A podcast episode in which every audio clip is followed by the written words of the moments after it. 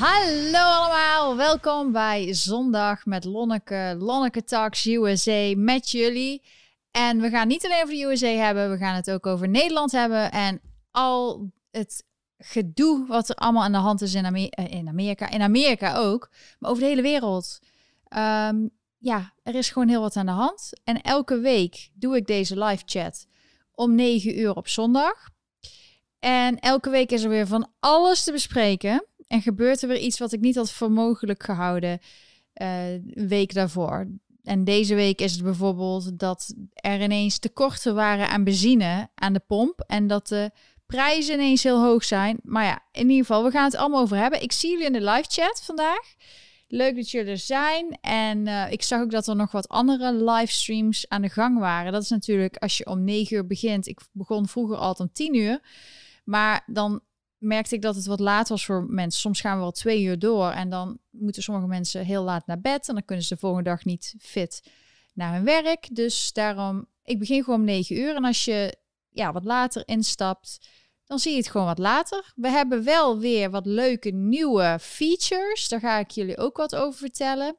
Ik zit niet stil, Dirk zit niet stil, die is er ook. En mijn hond ligt hier achter been. Dus we zijn weer allemaal paraat. En jullie ook, zie ik. Um, ja, je kan zoals altijd een superchat sturen of een supersticker als je het leuk vindt wat ik doe. Het is een soort aanmoedigingsprijs. Wat het mooie is, wat we sinds vorige week hebben geïnstalleerd en waar mensen dankbaar voor waren, is dat we Ideal hebben. Dus um, als je dus een vraag wil stellen aan mij, je wil iets bespreken, dus jij kan van invloed zijn op deze chat. Dus als jij wil dat ik iets echt bespreek of een vraag beantwoord, dan stuur je een superchat of ideal of via PayPal een vraag en dan komt het bij mij. Dirk houdt het allemaal in de gaten. En we hebben ook nog wat andere leuke dingetjes. Je ziet hier in beeld. Dan uh, kun je zorgen dat ik dit kan blijven doen. Dat ik niet bij een bakker of zo hoef te gaan werken. Dus uh, dan is dit mijn werk. Nou, dat is helemaal top. Maar ik wil niet grote sponsors die je dan allemaal vertellen wat je moet doen. Of uh, voor een bedrijf werken die dan zegt: ja, dit is niet oké, dit mag je niet doen, dat mag je niet doen. Dus ik doe liever alles gewoon uit vrije wil vanuit mezelf voor jullie. En als je het leuk vindt, dan is dat een manier om mij te helpen. En um, het leuke is dat met uh, Superchat, daar heeft Dirk een leuke nieuwe feature.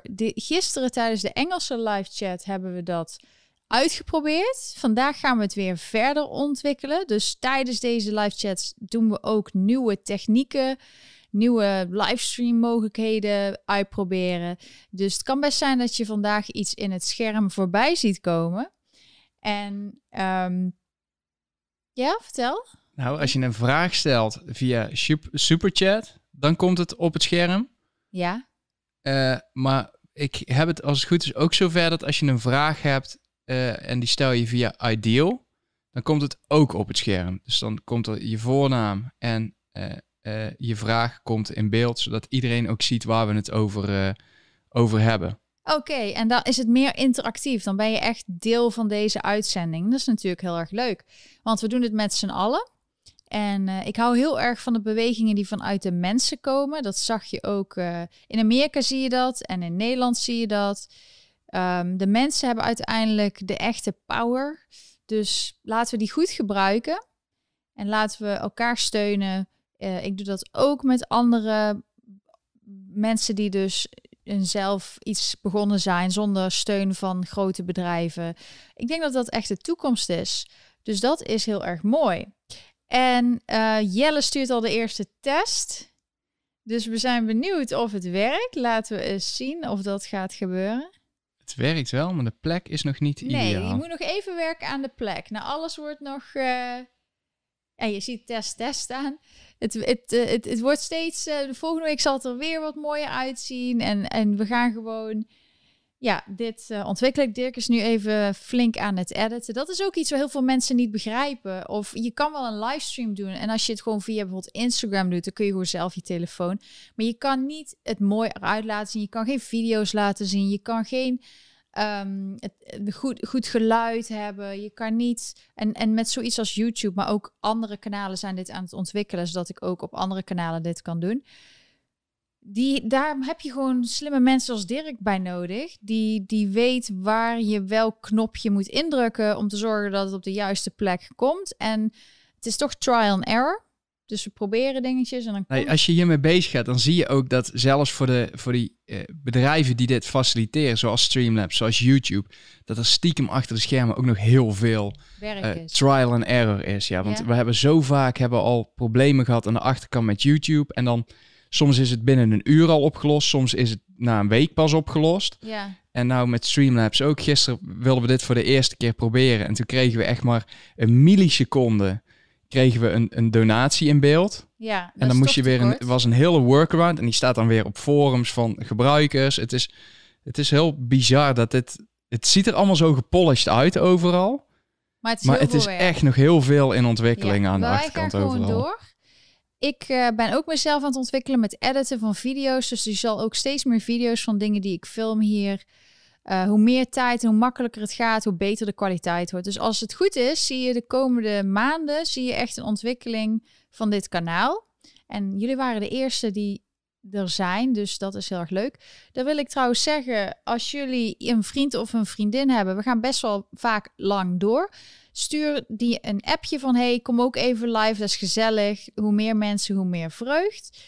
Maar voor mij is toch altijd het belangrijkste, ik zei dat gisteren ook in mijn Engelse chat, eh, quality over quantity. Dus gestructureerde en, en, en eh, zeg je dat, eh, een, gesprek, een gesprek of een conversation ehm, waar we wat wijzer van worden. Dat als we stoppen straks, dat ik weer wat geleerd heb, dat jullie wat geleerd hebben en dat, dat je het gevoel hebt dat je ja, ehm, even je, je, je gal kon spuwen of je wel op een oké manier natuurlijk. Of wat er, what's on your mind. Ehm, ja, sommige mensen betalen heel veel geld om naar een psycholoog te gaan om dit te doen. Nou, hier kan je het gewoon bij mij doen. En ehm, nou, de zware problemen. Ik ben geen psycholoog, dus daar moet je misschien toch voor naar een psycholoog. Maar gewoon iets wat in de maatschappij gebeurt, daar ben ik ook het meest geïnteresseerd in. Dus doe dat dan hier in de chat of met mij. En nou, we zullen zien of er nog meer superchats komen of ideal. Dirk houdt ons op, het ho op de hoogte en dan bespreek ik alles met jullie. En inderdaad, Elja, het wordt steeds professioneler. Ik wil ook even een speciale shout-out doen aan al mijn patrons. Dus de mensen die mij maandelijks steunen. En ik ben jullie niet vergeten. Daar komen ook weer leuke dingen voor, speciaal voor jullie. Dus als jij eh, ook een eh, maandelijks iets speciaals van mij kan krijgen, kun je ook naar patreon.com gaan. Er is een link onder deze video. En dan krijg je ook special features. Ligt eraan welk level je kiest voor steun. En dan kan het zijn een leuk maandelijks kaartje met heel veel informatie en een foto van wat er hier is gebeurd de afgelopen maand krijgt. Of iets anders moois. En dan krijg je ook eh, wat meer inside info. Dat is ook wel interessant. En de, ja, ik blijf gewoon ontwikkelen. Ik vind het gewoon leuk. Lekker creatief bezig zijn. Mensen inspireren heb ik altijd willen doen. Heb ik altijd gedaan. Dus waarom ga ik daar niet gewoon mee door? Dat, ik denk dat dit gewoon een beetje... Ja, dit is... Ik, ik zit hier in New York, dus ik kan heel goed jullie vertellen een beetje van, eh, van wat er is gebeurd. Nou, ik zie Gijsper, dank je wel voor je generous donation. En ehm, ik weet niet of je een vraag had, maar er zit geen vraag bij, maar ik vind het echt super, dankjewel. Zoals jullie weten hier, wij gaan ook wel eens upstate om eh, ook te filmen wat hier, of in een andere staat. We zijn bijvoorbeeld vrijdag naar Connecticut geweest. En de gas prices, die zijn echt zoveel duurder geworden, waardoor ook het eten, voedsel, alles is hier duurder aan het worden. Dus ehm, ja, dat zijn dus dat geld en zo gaat direct naar de fuel costs en voor de auto-onderhoud. Om te zorgen dat ik video's kan blijven maken, dat ik reportages kan blijven doen. Bijvoorbeeld reportage ehm, voor Omroep Ongehoord Nederland. Ik weet niet of jullie de afgelopen twee hebben gezien, maar er komt er weer eentje aan. Dus eh, special, ehm, ja, iets wat jullie nu als eerste weten. Maar ik blijf dat soort dingen doen, maar dan moet ik wel, ja, ehm, geholpen worden en jullie helpen mij daarmee. Verder, we gaan het bespreken. Wat is er allemaal aan de hand in New York? Wat is er allemaal aan de hand in Amerika? Ehm, in de wereld hebben we heel veel gedoe met Israël en Palestina. We hebben hier ook protesten. En daar ga ik straks ook nog wat over zeggen. Dat ik daar wat eh, dingetjes, eh, ja, van wat ik, mijn mening. Dus stay tuned. En Dirk laat heel even Omroep Ongehoord Nederland zien. Nou, die zijn ook aan de, aan de weg aan het timmeren in Nederland. Ze hebben heel veel positieve reviews gekregen. Dus ik verwacht dat ze ook op de Nederlandse tv gaan komen. Nou, dat zou helemaal mooi zijn. Een ander geluid is hard nodig. Met al die fake news die we de afgelopen jaren hebben gezien op de Nederlandse tv. En maar waar ik het uh, met jullie dan over wil hebben, ik ze, ja, dus ik heb het al gehad over die gas prices. Nou, deze week was er dus een pijplijn. Dus je hebt hier in Amerika een aantal pipelines. Dus uh, en, en ja, en hoe zeg je dat? En hoe noem je dat in Nederlands? Een pipeline. Een... Gewoon een gaspijp. Nee, het is niet alleen een gaspijp. Toevoer. Toevoerpijp. Ja, het is een pijp en daar doorheen gaat bijvoorbeeld vliegtuigbrandstof, uh, um, stookolie, gas, alles eigenlijk om het levensonderhoud te ja, voorzien van Amerikanen. En die gaat dan door heel Amerika via Florida komt die, Georgia en dan ook bij New Jersey. En die staten hadden allemaal, ja, daardoor ineens waren mensen zo van, ik moet, uh, moet benzine hebben. Dus er waren lange rijen bij de benzinepomp. En sommige benzinestations, ook rond Washington DC, waar president Biden zit, um, is echt 80% heeft geen benzine. En nu is die pijp uh, is wel weer open. Alleen er was dus geen backup pijplijn, zoals bijvoorbeeld de Keystone Pipeline, die ze wilden gaan bouwen, maar die heeft eh, Biden weer gecanceld. Trump wilde die wel, zodat er wat meer, ja, dat je wat meer um, een soort verzekering dat er altijd iets is. Maar in ieder geval, er was dus een hack bij Colonial Pipeline. Er was een ransomware attack. Dus blijkbaar is hij van buitenaf of stilgezet of moest iets, er gebeurde iets waardoor er dus geen olie en stookolie en vliegtuigbenzine en al die dingen doorheen konden gaan. Nou, ik denk dat uiteindelijk dat het niet zo is dat per se die pipeline stil is gelegd, maar ik denk dat gewoon al die systemen erachter om te monitoren hoeveel er doorkomt, druk gewoon alles erachter. Dat is gewoon op slot gezet. Dat is een, al een keer eerder gebeurd, ook met een uh, scheepvaartmaatschappij, een transportmaatschappij. En heeft maanden geduurd, want daar, daar was het geen ransomware. Dat was gewoon echt een virus. En heeft gewoon alles kapot gemaakt. En die hebben letterlijk al hun systemen moeten vervangen. Er waren een aantal uh, maar die, ook weer, die draaiden natuurlijk op een hele oude Windows-versie allemaal. En er waren een paar systemen. Volgens mij was dat Stork. Kan dat? Ik zou het niet weten. Uh, of of Ma nee, Maask. Waar zagen wij toen die, die boot van voorbij varen? In, Maask? Uh, ja, Maask was dat. Okay. En die hadden één office in Afrika. En die mensen werkten op Linux. Oké. Okay. En die systemen hebben ze allemaal moeten kopiëren om alles weer draaiend te krijgen. Voor de rest was alles kapot. Dus nu gebeurt het met een pipeline. Een paar jaar geleden gebeurde... Pijpleiding, zegt iemand. Dus... Pijpleiding, allemaal goed. Uh, een paar jaar geleden gebeurde het ook in ziekenhuizen. Ook met ransomware. Ze komt uiteindelijk gewoon dat ze allemaal op oude meuk werken. Hè? Ja. Even voor de duidelijkheid. Omdat ze gewoon hun zaken niet op orde hebben. Dit soort bedrijven hebben hun zaken niet op orde. Uh, maar je heel als, veel bedrijven, ook bij de overheid, die een zaak. En ook in Nederland trouwens. Nou, dus je kan gewoon verwachten dat het veel vaker gaat gebeuren. En nou, hebben, nou is het ransomware. Nou hebben ze geld betaald om het op te lossen. Zo gebeurt, zo, dat is niet altijd het geval. Want sommige mensen doen dit voor hun lol. Mm -hmm. De boel op slot zetten. En die interesseert geld helemaal niks. En dan ben je verder van huis. Ja, dus ik wilde vrijdag. Wij gaan eigenlijk elke vrijdag rondrijden. Of om een filmpje te maken. Of om gewoon te, te, te zien wat er in, in, ja, in onze omgeving gebeurt. We zouden wel willen dat we verder kunnen rijden. Maar dat kan nog heel even niet met al die restricties. Daar wil je even nog. Ja, je wil er even nog niet mee bezig zijn. Dus ik ga vooral in de tri-state area. En dat is dus New York State, Connecticut en New Jersey. En, eh, maar ik dacht, ja, daar is er bij ons ook tekorten en gas. Dat zijn dingen waar ik me dan druk over moest maken. Dus Dirk heeft alles nagekeken en gelukkig bij ons was het niet. Uh, en ook, nou je hebt in New York City, heb je zelf in Manhattan niet zoveel um, tankstations meer omdat ze hier toch naar de toekomst willen met alles elektrisch. Dus je moet soms echt heel ver rijden als je in Lower Manhattan woont om überhaupt een tankstation, tankstation, tankstation. ik maak altijd die grappen hier, tankstation. Dat was toen wij, toen wij net samen waren, wilde Lonneke mij impressen met haar uh, Engels. En toen zei ze, wat is dit? En toen zei ze zelf Nee. tankstation. Nee, je- ik zei, ik Dat zei, wel heel waar schattig, zullen we hoor. heen gaan? Ja, je moet nog heel even naar de tankstation. Maar, ehm, Die is goed blijven hangen in ja. ieder geval. en ja, dus maar de prijzen zijn echt heel hoog. Een paar maanden geleden, toen eh, Trump nog president was, was het paar dollar. En nu is het eh 3 dollar, zelfs tegen de 4 dollar. En dat is voor Amerikanen gewoon heel veel geld uit zijn zak. Waarbij heel veel Amerikanen die hebben net genoeg geld om alles te kunnen betalen. En als dan één iets ineens wat je echt nodig hebt om gewoon naar je werk te gaan of je kinderen op te halen van school, zoveel duurder is, dan kan je misschien gewoon niet meer fatsoenlijk een avond eten. Zo, zo ja, precair is het gewoon voor heel veel. ehm ehm, ja. What are you doing? Sorry, ik moet er eventjes. Ehm Been zit hier achter en ik hoorde hem ergens zo aan frunniken. Dus ik denk, ik ga eventjes kijken wat hij aan het doen is. We gaan weer terug naar het onderwerp. Dus ja, Fuel in ieder geval, die hack bleek dus dat het een bedrijf was die dat schijnbaar expres doet voor geld. En dat bedrijf, die dus gehackt is, die hebben zelfs 5 miljoen dollar betaald. Dat is wat er in ieder geval in de mainstream media wordt verteld. Nou kun je, ja, je kan het nooit garanderen, maar dat is het verhaal in het nieuws hier.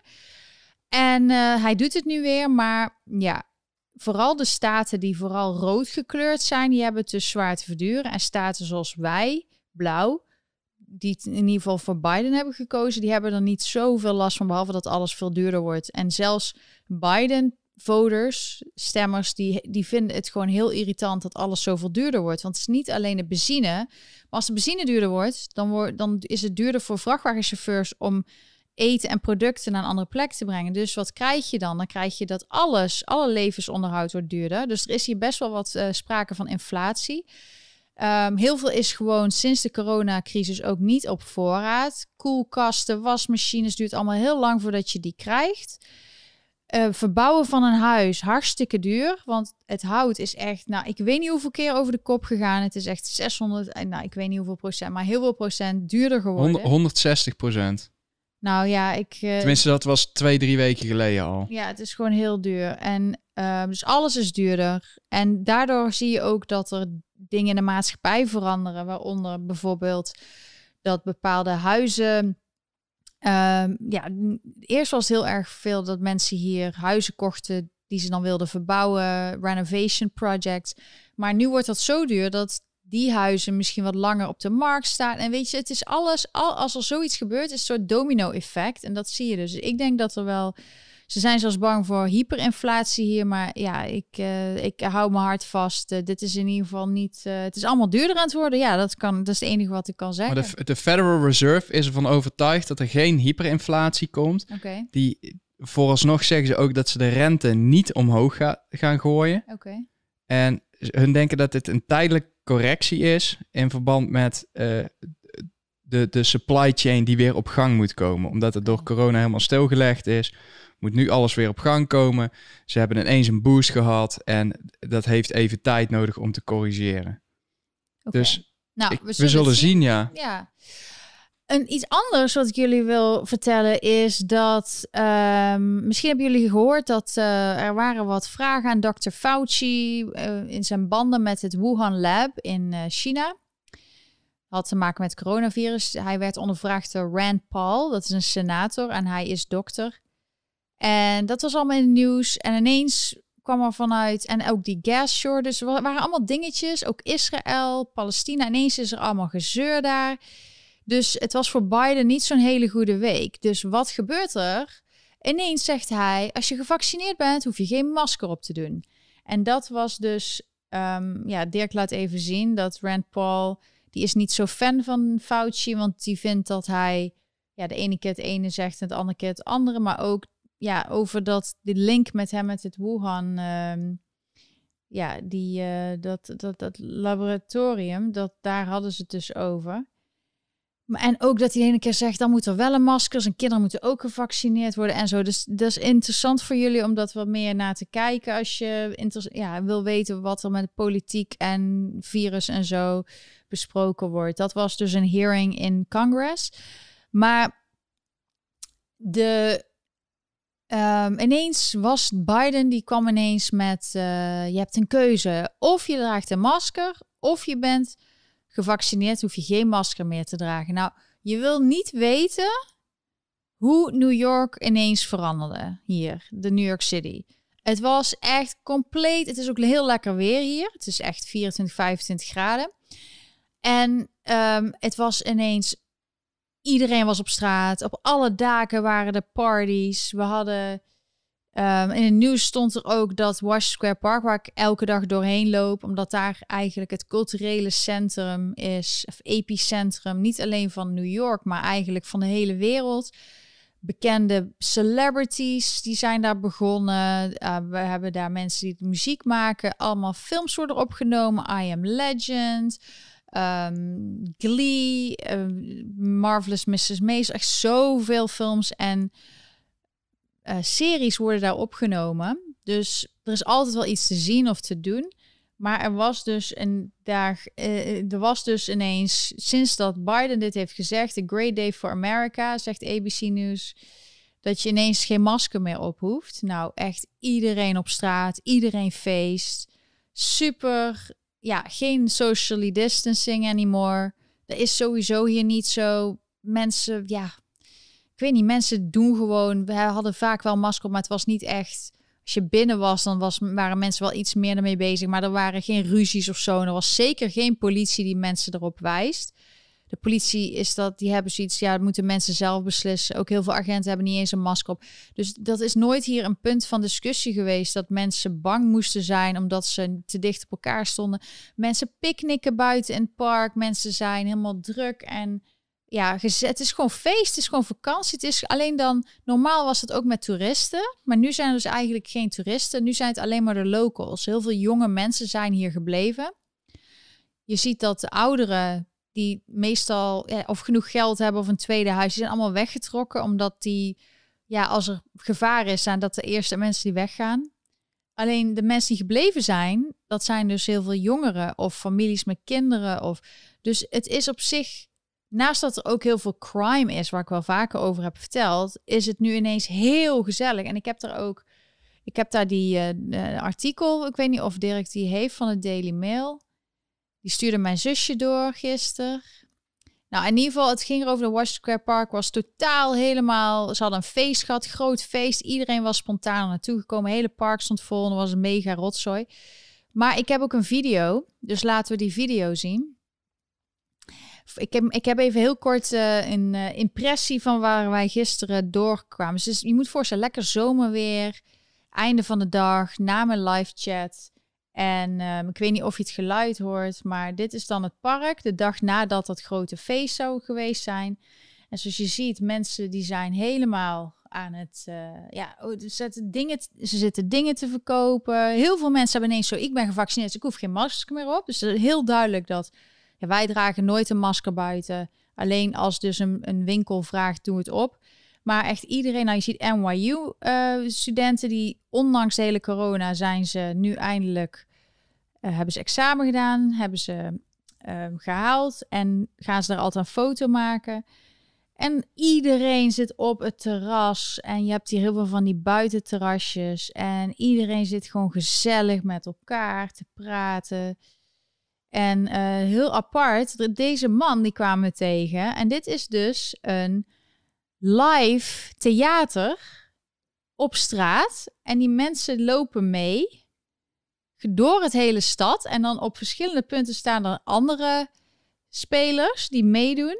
Die zie je dus, die mensen die staan, die lopen gewoon, het is super gezond. Ik zou, ik, ik zou dit aanraden om in Nederland een theatergezelschap hetzelfde te doen. Een super leuk idee. Ik heb ze ook tijdens corona deze mensen zijn heel creatief geweest. Die hebben dit. Um, ja, ik heb hun vaker gezien.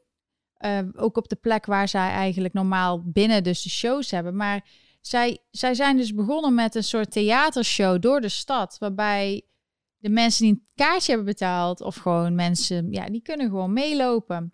En iedereen staat op straat. Iedereen is aan het genieten van het lekkere weer. Heel veel mensen ook in korte broeken en uh, korte rokjes. Uh, de vrouwen die single zijn, nou, die zijn weer helemaal uh, in sexy outfits. Allemaal die crop tops is helemaal hip nu. En alle restaurants hebben zoiets die nog overleefd zijn natuurlijk. Die, die hebben meteen, ja, ze zijn heel creatief geweest met terrassen, Zorgen dat er buiten heel wat te doen is. Ik weet niet of je het geluid hoort, maar het was zo, er was zo'n... Je hoort het niet. Nou, hier op het dak zie je ook weer een party. Over de hele stad, overal party, party, party. En ehm, het was gewoon, dit is de West Village, allemaal wat je net zag. En het is gewoon druk. En het geluid, er is een soort zoom door de hele stad. Ik weet niet of je dat zo van dat er heel veel gepraat wordt. En overal waar je langs loopt. Nou, dit is dus uh, picknicken op een van de piers. Met uh, op de achtergrond de, World Trade Center. En uh, daar gaan we dus s'avonds, ja, onze hond bepaalt een beetje waar we naartoe lopen. Dus die mensen daarin uh, bij de pier, die, die zitten lekker te picknicken. Dan kun je bij gaan zitten. Of ze zijn aan het sporten. Ik heb ook twee video's gisteren laten zien in mijn Engelse live chat over wat wij vrijdag hebben gedaan. Dat we rond zijn gereden. En ook uh, de dag daarvoor, dus vri um, vrijdagavond. Zeg ik nee, door de week. Wat we de hele week hebben gedaan. Ik maak dus de hele af, af en toe filmpjes. Dus die zie je in mijn Engelse live chat. En um, ja, het, er is een soort zoom. Door, ja, ik weet niet hoe ik het anders moet zeggen. Zo de hele dat, dat, dat mensen noise. Er is heel veel noise van mensen aan het praten zijn. En muziek en theaterdingetjes. En nou, dat is in ieder geval wat er dus allemaal aan de hand is.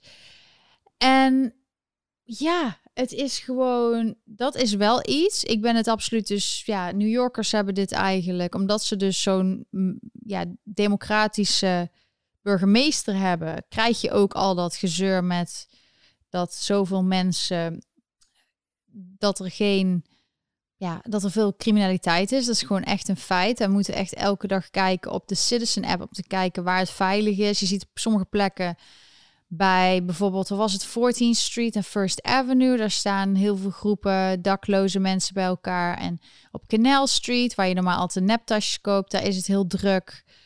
Ja, en normaal zouden opgetreden worden tegen dat soort dingen, maar dat gebeurt dus niet. Dus het is wel, ja, het is aan de ene kant zie je dit. Het is heel dubbel. En je weet gewoon dat door alles wat de democratische burgemeester de Blasio en Cuomo, de keuzes die ze hebben gemaakt, hebben eigenlijk New York kapot gemaakt. Maar het heeft er ook voor gezorgd dat er zoveel mensen heel creatief zijn geworden. Of nu restaurants zijn. En daar hebben ze ook de, de ruimte voor gekregen van de Blasio. Om dus, normaal mag je niet zo op het terras alles gebruiken. Dan moet je echt uh, een, een, hoe zeg je dat? Een um, permit voor krijgen. Maar nu, iedereen heeft allemaal andere soort overkappingen gemaakt. De ene mooier dan de ander.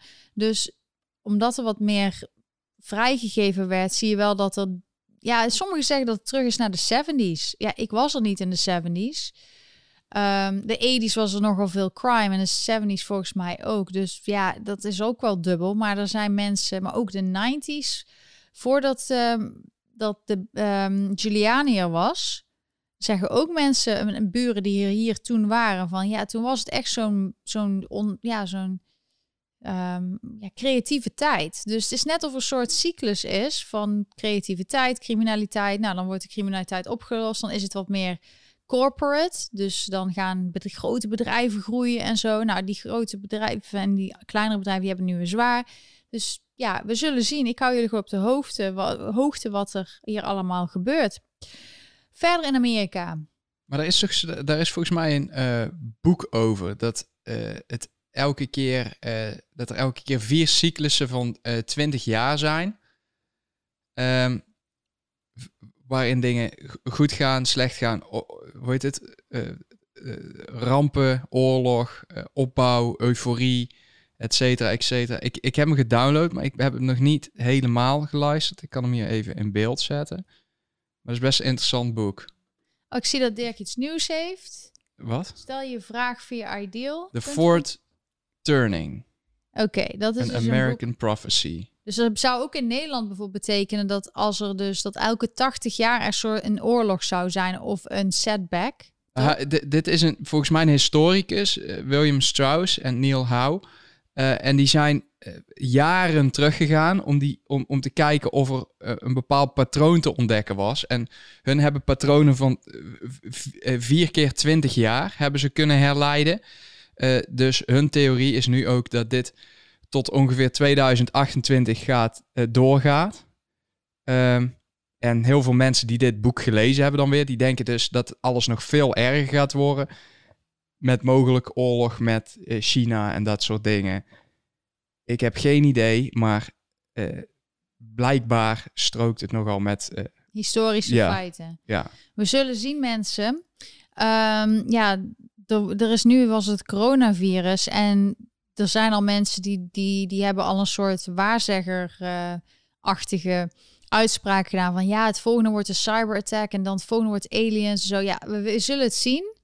Maar als je alles hoort, alle informatie van alle kanten, dan ben je ook niet verbaasd als er iets gebeurt, omdat je ja op de hoogte bent van hoe, hoe, wat er aan de hand is in de wereld. En ehm, het beste wat je kan doen altijd voor jezelf is zo goed mogelijk jezelf informeren, zodat je nooit helemaal in shock bent. Want dat zag je bijvoorbeeld ook met de Democraten toen Trump president wordt, werd. Als je gewoon zijn rallies had gevolgd en alles live had gezien en van beide kanten, dan wist je gewoon dat er veel meer enthousiasme voor Trump was. Alleen als jij alleen maar in een tunnelvisie zit, dan schrik je inderdaad als ineens hij president is. En het was een soort psychologische shock voor mensen.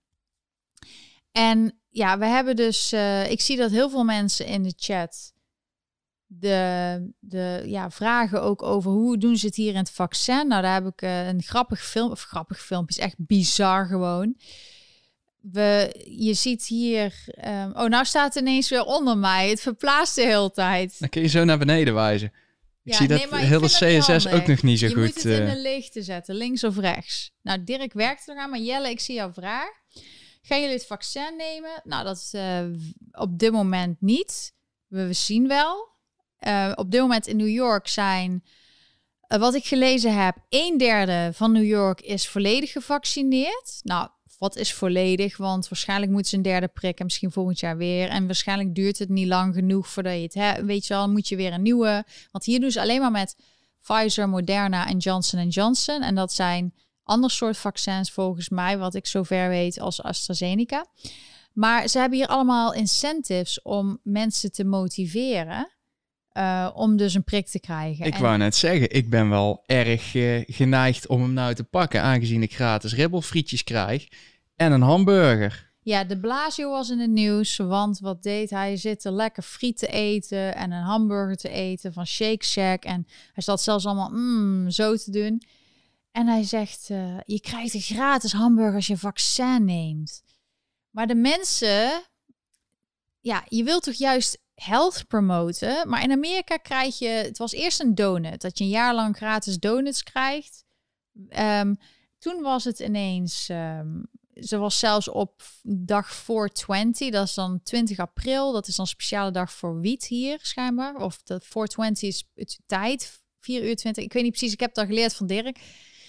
Niet, hey, geleerd van Dirk, niet omdat ik... Ja, nee, maar je legt het uit. Oké, ik leg het uit, ja. Ik, doe, ik rook of drink of wat dan ook zelf helemaal niks. Dus even Maar in ieder geval was er dus op die dag 420, dus 20 april, eh, dat mensen gratis joint konden krijgen. En nu is het dus dat de Blasio allemaal een, ja, een, een burger eh, chain, een burger franchise gaat promoten.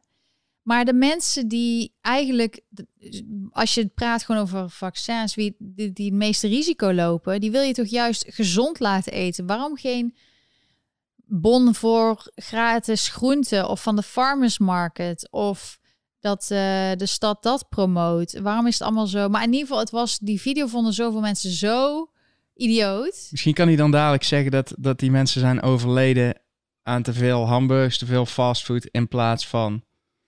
Ja, maar in ieder geval, ze zijn heel erg aan het promoten. Maar op dit moment is een derde van New York is volledig gevaccineerd. 50% heeft er maar één gehad. Ehm, dat betekent dat de helft van New York State eh, nog steeds geen vaccin heeft. En ehm, dus ja, en ze willen echt heel graag dat 70, 80% wil eigenlijk iedereen.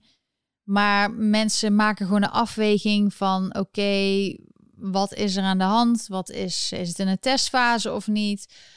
Uh, wat zijn mijn risico's? Leef ik gezond of niet? Dus iedereen maakt gewoon, ik ben gewoon helemaal van, maak je eigen keuze. Uh, maar het is een nieuw vaccin, dus we gaan de komende maanden ervan leren wat het is. En iedereen moet dat zelf kiezen. Ik ga ook mensen die het per se wel nemen, moeten ze lekker zelf weten. Alleen wat ik wel merk, ik krijg heel veel berichten, of heel veel berichten. Ik krijg een aantal berichten van vrienden die dan zeggen, heb jij het al gedaan? Uh, ik word hartstikke onder druk gezet van mijn school. of ehm, het bedrijf waar ik werk in de healthcare.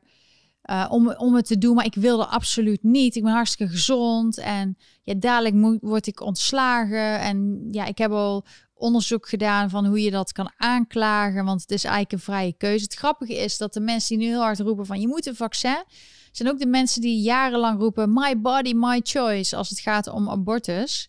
Dan is dus my body, my choice, terwijl het dus ook om een leven van iemand anders gaat. Maar nu is het echt, ja, als je het niet neemt, ben je gevaar voor anderen. Ze hebben heel erg mensen gebrainwashed op die manier. Terwijl je neemt het gewoon voor jezelf. Je moet zelf die beslissing nemen en je bent er helemaal vrij in. En je hoeft het niet tegen mensen te zeggen, of wel of niet. Maar ze hebben sinds kort inderdaad voor mijn uh, doelgroep en uh, hebben ze het ook geopend. Uh, je kan zelfs binnenlopen. Maar ja, uh, ik leef gewoon mijn leven en we zien wel. Gewoon gezond leven is heel belangrijk. En um, je moet gewoon, ja, maar ze willen hier ook bijvoorbeeld kinderen gaan doen en um, ja, vaccineren. Dus ik hou jullie op de hoogte. Maar ja, tot nu toe, ja, de, de staten zoals Florida, ik geloof dat er nu iets van elf staten zijn die hebben het vaccine, vaccinpaspoort, wat er dan zou moeten komen, verboden. Dus als het hier echt te gortig wordt, dan gaan wij daar natuurlijk naar verhuizen. En dat is het fijne van Amerika, dat de staten individueel heel veel te zeggen hebben over wat er gebeurt in hun staat. Um, ik heb er wel vaak gezegd, de ene staat heeft nog doodstraf, de andere niet. Zo heb je heel veel verschillende dingen. Dus Joe Biden kan wel dingen doen alsof hij een dictator is of uh, dat hij executive orders tekent. Maar de staten zelf hebben ook heel wat te vertellen. En je hebt dus zo dat de, um, dat de staten die hebben, ja, die, die hebben dus nu heel erg duidelijk, maken ze een beslissing wel of niet paspoort. En um, ja, er zijn gewoon heel veel mensen hebben zoiets van, het moet niet, je kan niet mensen anders gaan behandelen omdat ze wel of niet zo'n uh, vaccin nemen. Ik bedoel, er is nog steeds niks duidelijk of je, en het lijkt erop dat als je een vaccin neemt, dat je nog steeds het kan overbrengen. Dus dan is de vraag juist, moet je misschien, ja, al, ja, ik weet niet. Maar in ieder geval, het is, je hebt in ieder geval, um, nou, ik zie weer een vraag. Suze, dankjewel. Zijn jullie nog van plan om uit New York te vertrekken nu het zo gezellig is geworden? Nou, ik zal je wel zeggen dat het wel weer leuk wordt. Maar wij worden natuurlijk ook ouder en ik wil heel veel creëren. En wij zijn echt heel veel aan het rondrijden naar gebieden waar we zouden willen wonen. Dus als wij bijvoorbeeld die, die leuke dorpjes en zo bezoeken, dan is dat niet alleen voor ons van leuk om te zien hoe andere mensen leven, maar ook om echt te kijken, is dit waar wij willen wonen? En um, ik denk dat de, je moet zoveel geld verdienen om hier te kunnen blijven wonen, dat je bijna je ziel moet verkopen om hier te kunnen blijven wonen. En ik ben altijd, heb ik geluk gehad dat ik het uh, met mijn eigen geld wat ik heb verdiend door modellenwerk, het kon volhouden. Maar het is gewoon eigenlijk niet vol te houden. Of je moet echt in een heel klein appartementje wonen uh, met heel weinig kosten. Maar ik denk dat de levensstandaard hoger gaat worden voor ons als wij gewoon naar een huisje gaan buiten de stad of misschien een andere staat. Omdat het gewoon, alles is hier zo duur. En ja, nogmaals, ik heb het heel erg leuk gehad. We zijn gewoon heel rustig aan het, uh, aan het kijken of we kunnen verkopen en dan iets anders kopen. En um, ja, het is nu een moeilijkere tijd natuurlijk met de, de real estate hier. En uh, iedereen heeft huizen gekocht buiten de stad. Dus alles is super duur of meteen verkocht. Maar wij gaan go with the flow. We zien wel gewoon waar ons leven ons leidt. Een ander iets wat wij heel leuk zouden vinden um, is uh, met zo'n RV kopen en dan gewoon door alle staten rijden en dan gewoon filmen op al die staten. Dus misschien gaan we dat wel doen. Ligt er ook aan hoe leuk jullie het vinden dat we dit blijven doen, maar met zulke chats en ideal en vragen en zo, dan um, kan het best zijn dat het nog wel eens iets wordt. Dank je voor je vraag. Dank je ook iedereen voor de vragen. Ja, en het is gewoon de hoeveelheid druk die er hier op staat om, om al te kunnen verdienen wat je nodig hebt om hier te wonen, komt ook creativiteit niet echt ten goede. Nee. Want je hebt de hele tijd zit er gewoon druk op je. Ja, als jij, als jij, ik heb dan 20 jaar gewerkt model, dus ik had een potje. Maar jullie weten ook dat de Nederlandse Belastingdienst daar heel veel geld van af heeft gehaald. Dus ik kom nu een beetje in nood wat dat betreft dat ik, je hebt een bepaald plan, financieel plan met je leven. Van, oh ja, ik ben ziek geworden, dus ik moet voor mezelf zorgen in Amerika. Ik zeg dan niet om zielig te doen of zo, maar gewoon eens feitelijk.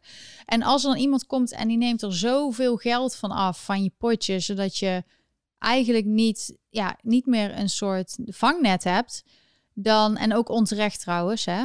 Gewoon om, om je te targeten. Je weet wel, net als met de toeslagenaffaire, nou, dat is dus bij mij ook gebeurd. Ander soort vak, maar hetzelfde belastingdienst. Um, en die beschuldigen je van iets. Dan moet je je verdedigen, moet je advocaat enzovoort enzovoort. Kost heel veel geld. En, die kan je niet verdedigen. Nee, daarover later meer. Want de Nederlandse Belastingdienst die volgt de wet niet en de rechters die gaan het met de Belastingdienst mee. Dus een heel lang verhaal, maar het komt wel steeds meer naar buiten. Dus dat is wel fijn.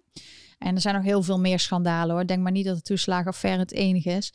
Maar anyway, um, ja, dus zelfs al zouden we het willen, hier willen wonen, kan het eigenlijk gewoon niet. Dus ja, dat is wel jammer. Maar als we nou dicht bij de stad blijven wonen, kunnen we wel gewoon nog heel vaak met de auto de stad inrijden en filmen. Nou, het kan wel, maar dan kun je niet de dingen doen die je, die je graag wil doen. Nee, ik kan dan niet bijvoorbeeld, dan, dan moet ik echt, ik weet niet, ik, ik weet niet hoe ik dat zou moeten doen. En Dirk zou ook een vaste baan Um, want je hebt nou meer een freelance baan, maar dan zou je echt een vaste baan, baan met een corporate bedrijf. En dan zouden Dirk en ik elkaar bijna niet meer zien. Je moet ook kiezen altijd, waar, waar, wat wil je met je leven? Wil je zo'n leven waarbij je je man alleen maar s'avonds ziet? Um, of wil je samen iets opbouwen? En dan moet je gewoon keuzes maken. En het is hier ook 9 tot 5 kennen ze hier ook niet echt. Dus. Nee, het is gewoon full, fulltime, uh, de non-stop werken, s'avonds, altijd. Dat is gewoon en sommige mensen gaan er kapot aan. Of ze gaan heel hard door en dan zijn ze daar 40, 50 en dan hebben ze een hartaanval. En dat willen wij gewoon niet. Dus het is een keuze. Maar ja, ik heb hier wel mijn leven opgebouwd. Dus het is wel, je kan niet zomaar in één keer alles oppakken en weggaan. Dus we zijn rustig alles. Ik ben steeds meer dozen aan het inpakken en uh, dingen aan het wegzetten, dingen aan het weggooien. We hebben toevallig van de week de koelkast met z'n tweeën naar beneden gesjouwd. En um, ja, dus we zijn ja, alles een beetje hier aan het. Uh, het is gewoon een proces. En in de tussentijd blijven we gewoon filmen en blijven dingen doen. En ik weet zeker dat wat we gaan doen, of we met zo'n RV gaan, of dat we een huis hebben waar we meer creatieve dingen gaan doen.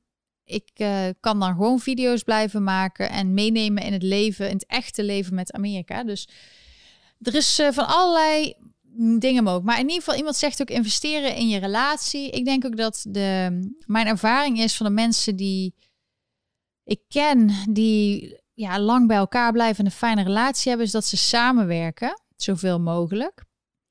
Veel van hen hebben ook geen kinderen, dus dat helpt misschien ook wel voor een goede relatie. Ehm, maar in ieder geval, het is. Uh, ja, ik denk wel dat, dat quality time, dat dat een luxe is. Dat je gewoon dat kan doen. Je kan wel hard werken om geld te verdienen om hele dure kleding. Maar echte luxe is gewoon tijd met elkaar besteden. En heel veel mensen hebben dat niet door. Pas als ze ouder zijn, denken ze vaak op een sterfbed. Ja, had ik maar wat meer tijd besteed met mijn kinderen. Of ja, en ik wil dat, dat soort gedachten niet hebben aan het einde van mijn leven. Dus ik wil gewoon elke dag dingen doen waar ik gelukkig van word. En waar ik gelukkig van word, is ook nu het in New York weer wat gezelliger is. Ik ben er gewoon nog, misschien een half jaar, misschien een jaar, misschien minder. Ik ga gewoon genieten, ik ga gewoon filmen en dingen aan jullie laten zien. En blijf gewoon mijn live chats doen. Ook als we bijvoorbeeld dadelijk on the road zijn. Maar misschien zie je me dan een keer in Ohio of Utah of Oklahoma of uh, weet ik veel, Florida, Texas. Ik kan alle 50 staten wel noemen. We hebben al heel leuk mensen die dit kijken en die ook in Amerika zijn. Ehm, dat we uitgenodigd zijn in Michigan en in Ohio en in Nebraska. En daar ben ik dus nog nooit geweest. Ik ben wel best wel veel staten al geweest. Maar dat soort staten is voor mij echt alsof ik een heel nieuw land ga zien. Dus ik zou er eigenlijk wel. Eigenlijk hoop ik dat we, dat we de, ja, onze financiën weer op orde kunnen krijgen. En dan um, dat we ja, zo'n RV of zo, dat je rond gaat rijden. Ik denk dat Dirk dat ook echt heel leuk vindt. En ik zie dat leuk veel mensen aan het kijken zijn. Ik vind het hartstikke leuk. Iedereen die aan het kijken is, ja, inderdaad, like en subscribe als je dat nog niet hebt gedaan. Um, maar hier ook, hè.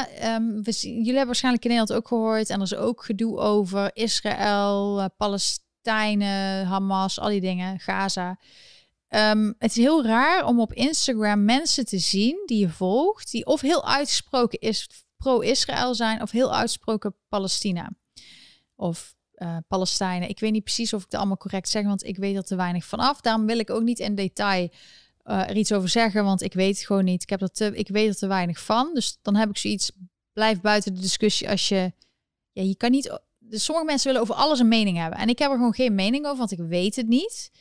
Ik vind alleen heel vervelend dat er zoveel geweld is en nou, alle, ja, dat er dus zoveel mensen in angst en boosheid en verdriet. Oorlog is nooit goed voor geen één kant. Dus ik hoop dat er weer vrede gaat komen, net zoals er uh, onder Trump was. Want als er onder Trump zoiets was gebeurd, dan hadden ze hem helemaal hier kapot gemaakt. Van ja, je hebt gezorgd voor onrust in het Midden-Oosten. En uh, ja, nu gebeurt het onder Biden. Natuurlijk, de media die doet altijd heel aardig tegen Biden. Dus die krijgt er wat minder. Uh, of dan zegt hij gewoon ineens: je maar hoeft geen maskers meer te dragen. En dan is iedereen weer even blij. Dus ik weet het niet. Ik zie alleen heel veel mensen op Instagram die heel erg duidelijk één kant hebben. En ik zag wel zelfs Bella Hadid, die liep er mee in New York volgens mij met een uh, protest. Er zijn wel wat clashes geweest, dus dat mensen met elkaar gaan vechten op straat hier. Dus uh, pro en anti ja, Israël, voor Israël. Um, ja, dus het verspreidt wel over de hele wereld zo, zoiets.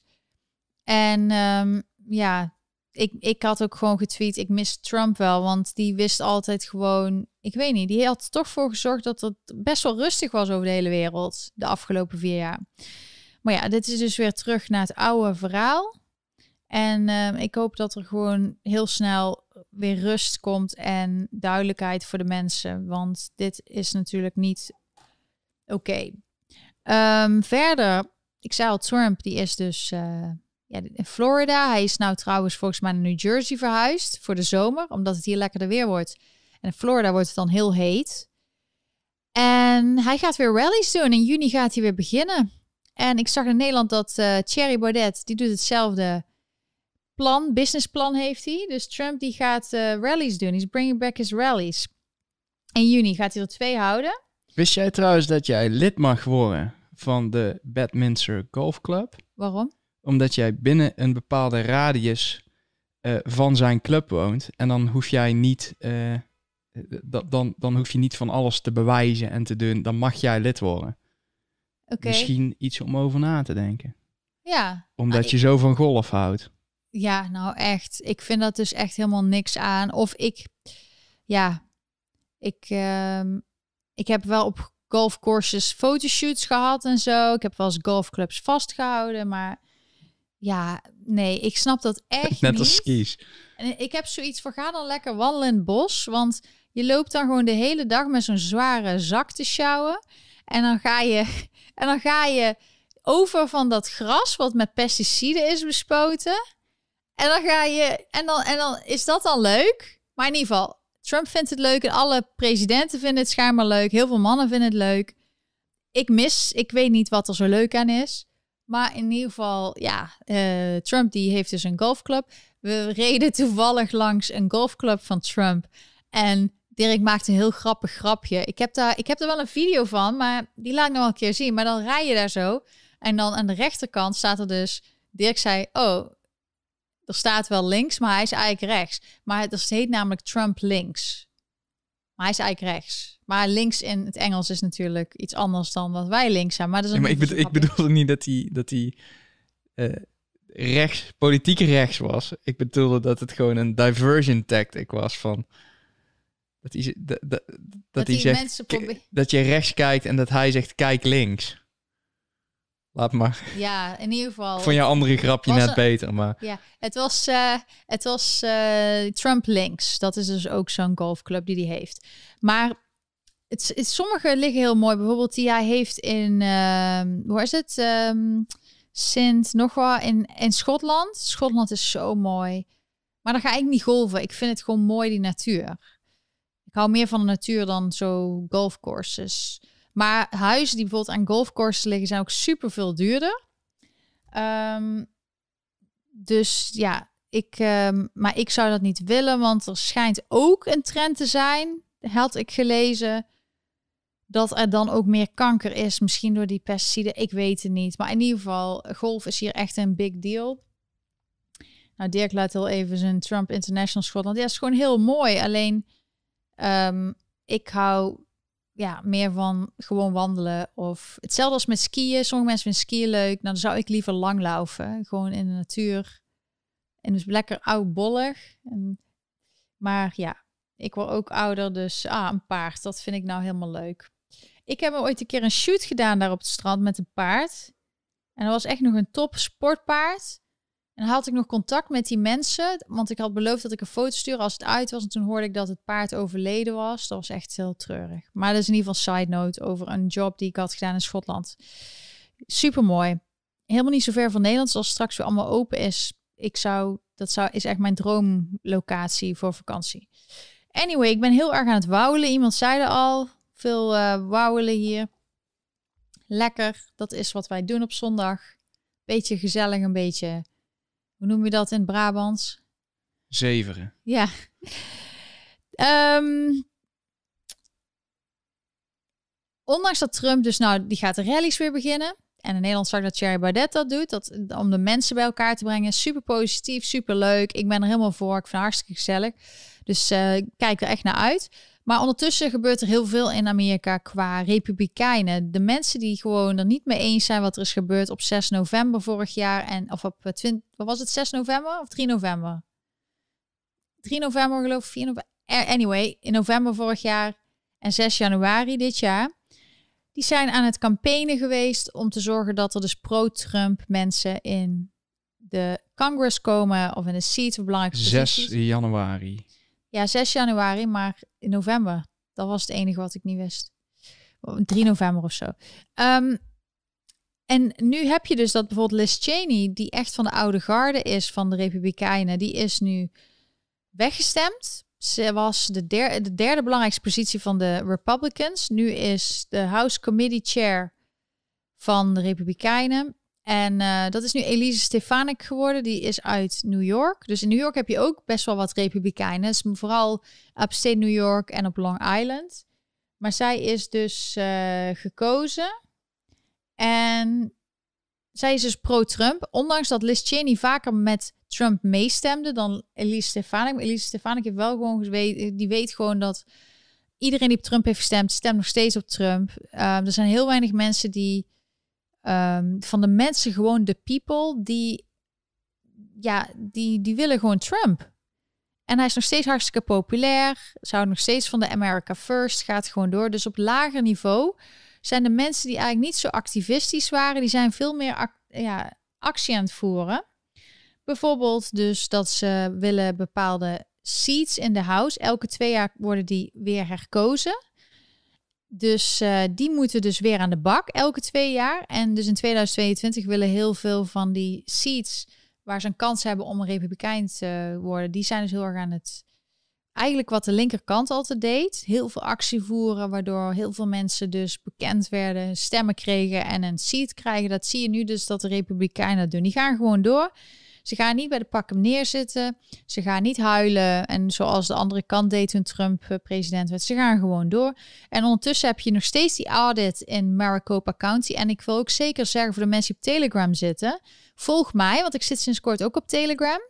Maar Trump zit ook op Telegram. En die doet dus elke keer een hele, in plaats van een korte tweet, gewoon een heel statement naar buiten. En die is heel duidelijk. Hij is nog steeds van overtuigd dat het niet eerlijk is gegaan. Dus uh, ik vind dat interessant. En in Maricopa County, daar heb je dus nu dat, dat mensen dat ze bijvoorbeeld paswoorden niet willen geven, dat er databases zijn. Dit is wat Trump bijvoorbeeld zegt. Die zijn gewoon weg, die zijn gewiped. En ja, dan heb ik zoiets van, um, waar, zijn die, waar zijn die naartoe? Dat is natuurlijk allemaal heel raar wat er gebeurt daar waarom wilden democraten niet dat het nagekeken werd? Waarom nu het toch al weken bezig is, waarom worden bepaalde dingen die door de die opgevraagd zijn, die ze moeten geven, worden niet gegeven? Dus ik kijk daar ook zeker naar van wat is daar aan de hand? Ik, het is bizar. En je ziet organisaties zoals bijvoorbeeld Project Veritas, die zou ik ook zeker volgen. Want die hebben heel veel van die undercover video's. Weet je nog die undercover video van ehm, CNN, dat, dat een hoge baas bij CNN, een technical director, zei gewoon wat wij allemaal eigenlijk wel weten: dat ze gewoon propaganda doen, dat ze alles hebben gedaan om Trump out of office eh, te krijgen. En ze, dat wisten we eigenlijk wel. Maar eigenlijk zo'n nieuwsorganisatie, ze zeggen altijd most trusted names name in news of zoiets. Maar dan, dan ga je toch niet verwachten dat die één kandidaat proberen te pushen en proberen de ander uit de overheid gaan. Dan ben je toch niet ehm, onafhankelijk. Nou, en dit is een heel grappig videootje van Project Veritas. Dit is dus uh, Anderson Cooper van CNN. Die wordt dus gevraagd, wat vind je ervan? Van die Charlie Chester, die we dus undercover hebben gehoord... om te vertellen dat jullie allemaal fake news doen. Maar dit is dus niet heel ver hier vandaan. En Dirk zei dus dat... Ik heb hem of net daarvoor of net daarna... stond ik samen met hem uh, bij de bakker. Ik was brood aan het bestellen samen met Been. En toen kwam hij binnenlopen. En ik denk dan dat dat waarschijnlijk net ervoor is geweest. Dat hij zijn boterham, zijn croissantjes in dat tasje heeft. Uh, want het lijkt me sterk dat hij daarna daar is blijven hangen. Ja, dus toen zagen we deze video. En vooral Dirk die zei, hè? Dat was ik. Dat was ik precies op dat moment. En dat is dus net 10 seconden voordat dit gefilmd wordt. Zo apart. Maar vandaag had jij ook weer zoiets. Vertel jou uh, zondag, de zondagochtend. Ja, ik, uh, ik um, Dirk doet vooral vaak de zondagochtendwandeling. Vroeger deed ik dat altijd, maar nu doet Dirk dat zodat ik rustig wakker kan worden omdat maar, jij jouw schoonheidsslaapje nodig Ja, maar Dirk had... Uh, want dan kan ik beter functioneren tijdens mijn video. Anders ben ik al ja, Ik mocht eigenlijk weer niet te lang wegblijven van jou. Omdat nee. Benen het gewoon warm heeft. Dus ik moest uh, snel terugkeren Ja, maar hij was huis. weer echt twee uur lang weg. Maar ik heb niet alleen maar gewandeld. Want gisteren waar, liepen wij naar de Hudson. En toen kwamen de er. Uh, ja, militaire helikopters langs vliegen. Die, daar heb ik ook een foto van. Die heb ik helaas nog niet kunnen backuppen. Uh, dus we hadden zoiets van, hé, hey, wat was hier nou weer aan de hand? Want dat is ook niet elke dag dat je daar ziet. Nee. Uh, maar ik kon daar niks van vinden. En toen liep ik vanochtend uh, richting World Trade Center. Toen liep ik langs de Four Seasons Hotel downtown um, in Tribeca. Uh, en daar stond het helemaal vol paparazzi. En helemaal vol auto's. En een SUV stond er, een zwarte SUV. Um, maar de, de, ik had niet door wat er aan de hand was. Ik zat daar te kijken en ineens komt, zie ik daar onze buurvrouw staan. En die begint keihard naar mij te roepen. En die had een camera vast en een perspas. Ik denk, waar is dit nou weer? Dat is een beetje een aparte mevrouw, zullen we maar zeggen. En zit allemaal te zwaaien. Kom hier, kom hier. Dus die legt me uit wat er aan de hand is. En er was dus gewoon een uh, opname van een HBO-serie. Ja, maar het grappige is dus dat wij niet weten, die acteur is schijnbaar heel bekend, maar nou, wij die... kijken bijna niet.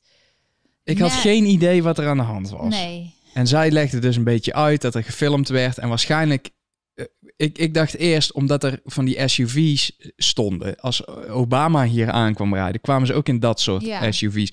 Maar het is dus een politieke serie op HBO. Ik weet nog steeds niet welk. Ik heb net een beetje proberen te zoeken. Maar het leek net of er een, een persconferentie was van Biden of Harris of iets in die richting. Dus ik denk, nee, wat is dit nou weer? Militaire helikopters en dan een persconferentie. Maar het was dus nep. Het was nep. En de buurvrouw die liet dus zien, ze hadden echt gewoon uh, het gebouw er tegenover, hadden ze half afgehuurd. Er, op meerdere verdiepingen hadden ze daar camera's geïnstalleerd, zodat ze nou, van boven naar beneden konden schieten. Het was niet normaal. Alle auto's, ja, alle auto's die daar stonden, één heel blok afgezet. Alle auto's die daar stonden, waren props. Er zaten mensen te wachten op het moment, uh, tot het moment dat die, de acteur van uh, het gebouw links naast de Four Seasons die SUV instapte. En toen begonnen al die auto's te rijden alsof het alsof het druk was op straat. Ik zeg, nou, ik zeg, het was wel raar, want iedereen had dus een mondkapje. Dirk zit is gewoon in Hollywood, uh, zeggen de films set waar hij gewoon opkomt. En hij, hij is gewoon echt een gewone normale Nederlandse jongen die dan gewoon ineens in zo'n set verzeild raakt. Het is heel grappig voor mij om dat te horen, hoe hij dat allemaal vertelt. Want hij kent al die acteurs helemaal niet. Nou, dat was uiteindelijk het grappigste. Maar het rare was dus, die, die auto's die beginnen allemaal te rijden. En het was helemaal, wat dat betreft, niet heel realistisch. Want er is gewoon geen klap te doen in de stad. Nee. Uh, met betrekking tot verkeer. Dus uh, het, het, het, ze, ze hadden allemaal mondkapjes op. Dus het was wel in het hier en nu. Maar toch deden ze het lijken alsof New York heel, druk was. Dus daar, klopte niet. Nee, dat klopte voor mijn gevoel niet. En toen, En toen, dat was het allergrappigste. Ehm die acte, al, die, al die mensen, al die figuranten, die, die wilden allemaal heel hard hun best doen om die acteur een hand te geven. Want blijkbaar was het moment dat hij van het gebouw de auto inliep, was de eerste scène waarin ze, waarin ze de acteur zagen. En het is een 33-jarige man blijkbaar. Een politieke serie op. HBO. Ik heb geen idee. En die speelt dus een politicus, volgens mij. Oké. Dus die man die komt uit die SUV stappen en die krijgt een flesje water. Iedereen probeert hem een handje te geven en hallo, hallo, hallo. En opeens hoor ik, oh. En die kerel die komt recht op mij aflopen en die begint been te aaien. Die gaat op zijn knieën zitten en die zegt, hey doggy, hey doggy. Dus die mensen die snapten er helemaal geen reet van. Nee, dus Been kreeg voor alle aandacht. Alleen toen kwam hij thuis en ik doe hem altijd met, met omdat de stad heel vies doe ik altijd zijn voeten af met eh, baby wipes. En dan komt er altijd veel rotsen af. Dus ik doe ook altijd, omdat hij veel allergieën heeft en er heel veel pollen zijn, doe ik zo met een doekje zijn eh, lichaam af. En dus het was helemaal zwart. Want toen zei ik tegen Dirk, wat heb jij gedaan? Hij zei, ja, hij moet waarschijnlijk wel gewassen worden vanavond. Want hij heeft helemaal liggen rollen en allemaal doen. Dus het been was echt bijna helemaal zwart van de viezigheid. Maar hij heeft het wel leuk gehad. Maar dat soort dingen gebeuren hier gewoon in New York. Nog steeds, eh, het was even iets rustiger, maar nu... Ja, en dan zeg ik, heb ik al eens eerder gezegd, Dirk komt vaak op situaties en plekken. Nou, dat was. Ik heb meteen dit keer tegen die man gezegd: Sorry, maar ik heb geen idee wie je bent. Want ik weet helemaal niks van films. Iemand zegt hier ook eh, een brain freeze voor Dirk. Ja, Maar ik denk, ik zal me van tevoren excuseren. Want hier in beeld zie je Ray Donovan, de Ray Donovan Show. en ik moest naar een vriend van mij. Lief Schreiber. Ja, Leaf Schreiber. Ik weet het nu. Ik weet het nu. Maar je kwam hem tegen, hij was Ik- hij ergens was- waar jij ook was. Ja, ik moest naar een vriend en die kende hem toevallig ook. Dus ik mocht eerst mocht ik er niet door. Ik had gewoon een afspraak met iemand. Ik mocht er niet door. Maar ik zeg, ja, maar ik moet naar die en die. Oh, moet je naar die en die? En toen mocht ik ineens wel doorlopen. Dus ik sta daar binnen. Ik zeg, wat is hier allemaal aan de hand? Ja, dus opnames van eh, Ray Donovan. En zo, zo zei de crew daar ook van, ja, maar Ray Donovan wordt hier opgenomen. Ray Donovan. Ik denk, oké, die kerel heet dus Ray Donovan. Dus hij komt, deze meneer, komt op een gegeven moment bij die vriend van, van ons binnenstappen om een praatje te maken. Want blijkbaar kenden die elkaar. Ehm, en hij geeft mij een hand en ik zeg met mijn stomme kop, hey Ray. en ik heb hem gewoon drie uur lang, heb ik hem Ray genoemd. Ja, En hij zei helemaal niks. Maar ik had geen idee wie die kerel was. nee. Ik weet het nu maar hij ondertussen. denkt, ja, maar voor hem is dat, zal er ook wel een gewaarwording zijn geweest, want het zal niet zo vaak gebeuren. Maar in ieder geval, Nou, hij bleef gewoon met een stalen gezicht kijken. Ja, maar misschien bleef hij, misschien doet hij method acting, dat hij echt Ray Donovan wil zijn. Dat doen heel veel van die acteurs. Oh, dus Sommige- ik heb hem eigenlijk geholpen om in zijn Ja, rol te blijven. ja. Hij was wel heel aardig hoor. Hele, Ja. hele aardige gast. Nou, nou, Dirk die komt dus allemaal celebrities tegen en die noemt hij allemaal namen die ze niet zijn en eh, allemaal leuke verhalen. En dan vraag ik, heb je een foto met hem? Oh nee, nee, dat ben ik vergeten. Dus dat is, eh, Ja, maar ik kan toch geen foto maken met Nee, mensen je- waarvan ik niet eens weet wie het nee, zijn? dat punt is, dus hij weet vaak niet. Maar dus ik wist toch ook niet of hij, een, eh, of hij een hoofdrolspeler was of een, een bijrol had. Ik wist niet, ik had geen idee, Lon. Nee, ja, misschien eh, hele bekende mensen, die herken je misschien nog wel. Obama of zo je wel herkennen. Ja, die, heb ik Eh. toen, die kwam toen hier aanrijden, de paus. Ja, Dirk heeft ook de pauze gezien. Toen zei jij, je moet, je moet de zeg, camera als je nu meenemen. Gaat rennen, dan zie je misschien de pauze, want die komt langs rijden bij ehm, de andere kant van de Manhattan. Dus we hebben allemaal van dat soort verhalen. En eh, dat Elk is dus, Baldwin zien we heel vaak. ja, die wordt maar heel daar zijn we een beetje bang voor, dus daar zeggen we nooit Nou iets ja, Die tegen. wordt altijd boos eh, als iemand op zijn parkeerplek zit. Maar in ieder geval dat soort, ja, dat, dat maken wij dus hier wel gewoon mee. En ehm, ze lopen hier gewoon allemaal in het wild rond. En eh, ze hebben vaak gewoon, ja, er is soms paparazzi en heb je zoiets, oh, er is een bekend iemand, maar soms zit je ernaast. En dan heb je pas aan het einde door dat je langs iemand zit te eten die heel bekend is.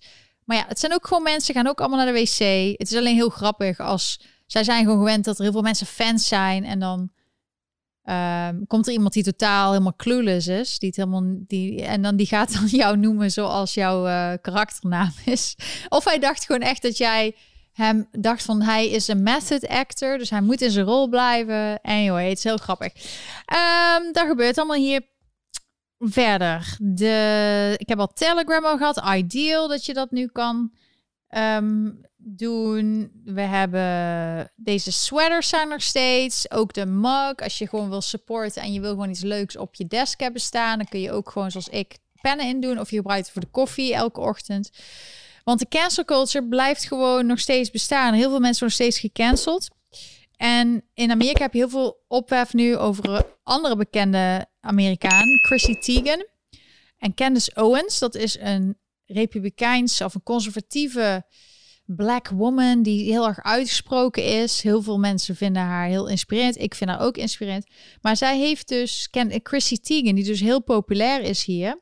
En die hebben alle heel veel show city en dat, zij was model. Ze is getrouwd met John Legend. En um, zij heeft dus nu een jurylid van een of andere Amerikaanse show. Maar blijkbaar heeft zij, zij is op Twitter altijd heel erg uitgesproken. En zij zegt soms dingen die gewoon niet kunnen. En Candace Owens heeft haar dus haar daarvoor um, ja, aangesproken in het publiek. En ze vindt hem haar lijken op uh, hetzelfde als Harvey Weinstein en Jeffrey Epstein. Omdat zij dus jonge meisjes bullied of ja, pest. En dingen zegt van um, zelfs aanmoedigen tot zelfmoord, zegt zij, dat ze dat heeft gedaan. Bijvoorbeeld met um, ja, Courtney Stodden, Demi Lovato, allemaal ja, jonge Lindsay Lohan. En ze vindt dat het een soort predator, dus een soort, noem je dat? Uh, wat is een predator? Roofdier op, op jonge meiden. En um, dus zij krijgt er verlangs, maar ze is wel weer al gespot in uh, Disneyland of Disney World, waarbij ze dus probeert incognito te zijn. Maar zij is zelf de cancel culture queen. En ik er zijn zo ontzettend veel grapjes die ik nu had kunnen maken, die ik niet meer durf te maken, Lonneke. Nee, want we zijn net, wij zijn nette mensen.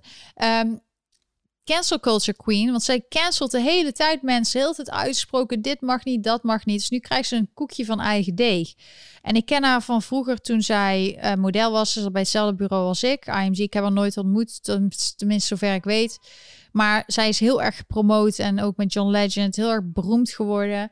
En uh, altijd heel erg uitgesproken tegen Trump en andere mensen cancelen en zo.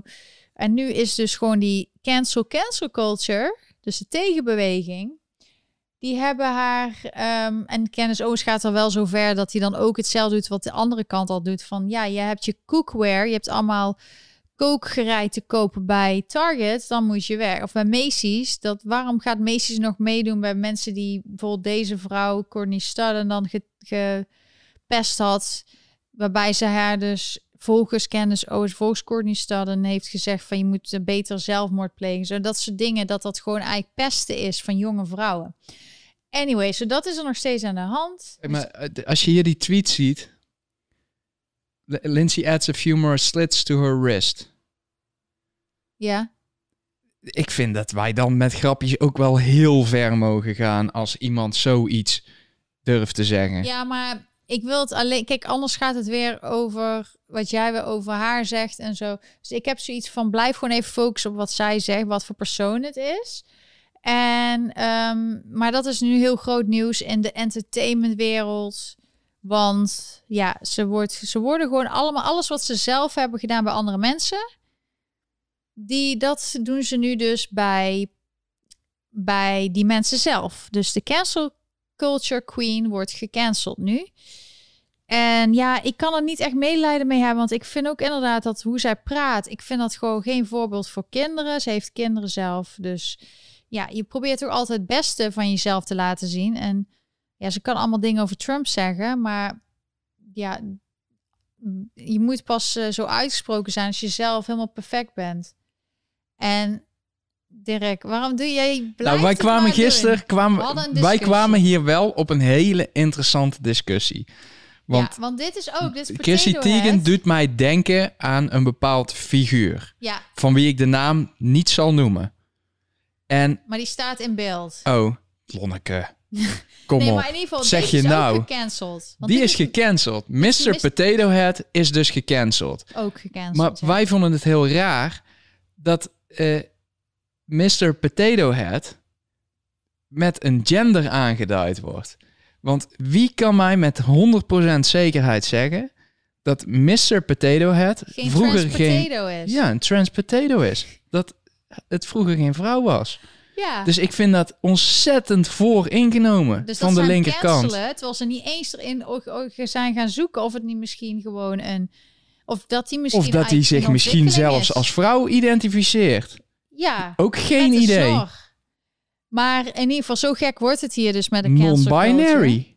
Zeker gezien die zijn snor er gewoon zo pop af kan ploppen. Ja, inderdaad. Die, die, die, de hele potato head, die dingen kun je er allemaal afhalen, kun je allemaal op. Maar in ieder geval, al die speelgoed wordt allemaal gecanceld. Want als het bijvoorbeeld iets te veel masculine is, zoals Mr. Potato Head, dan mag niet. En als het te veel racisme, als het te weinig kleur heeft, alles moet allemaal gecanceld worden. Niks mag meer zijn zoals het zijn.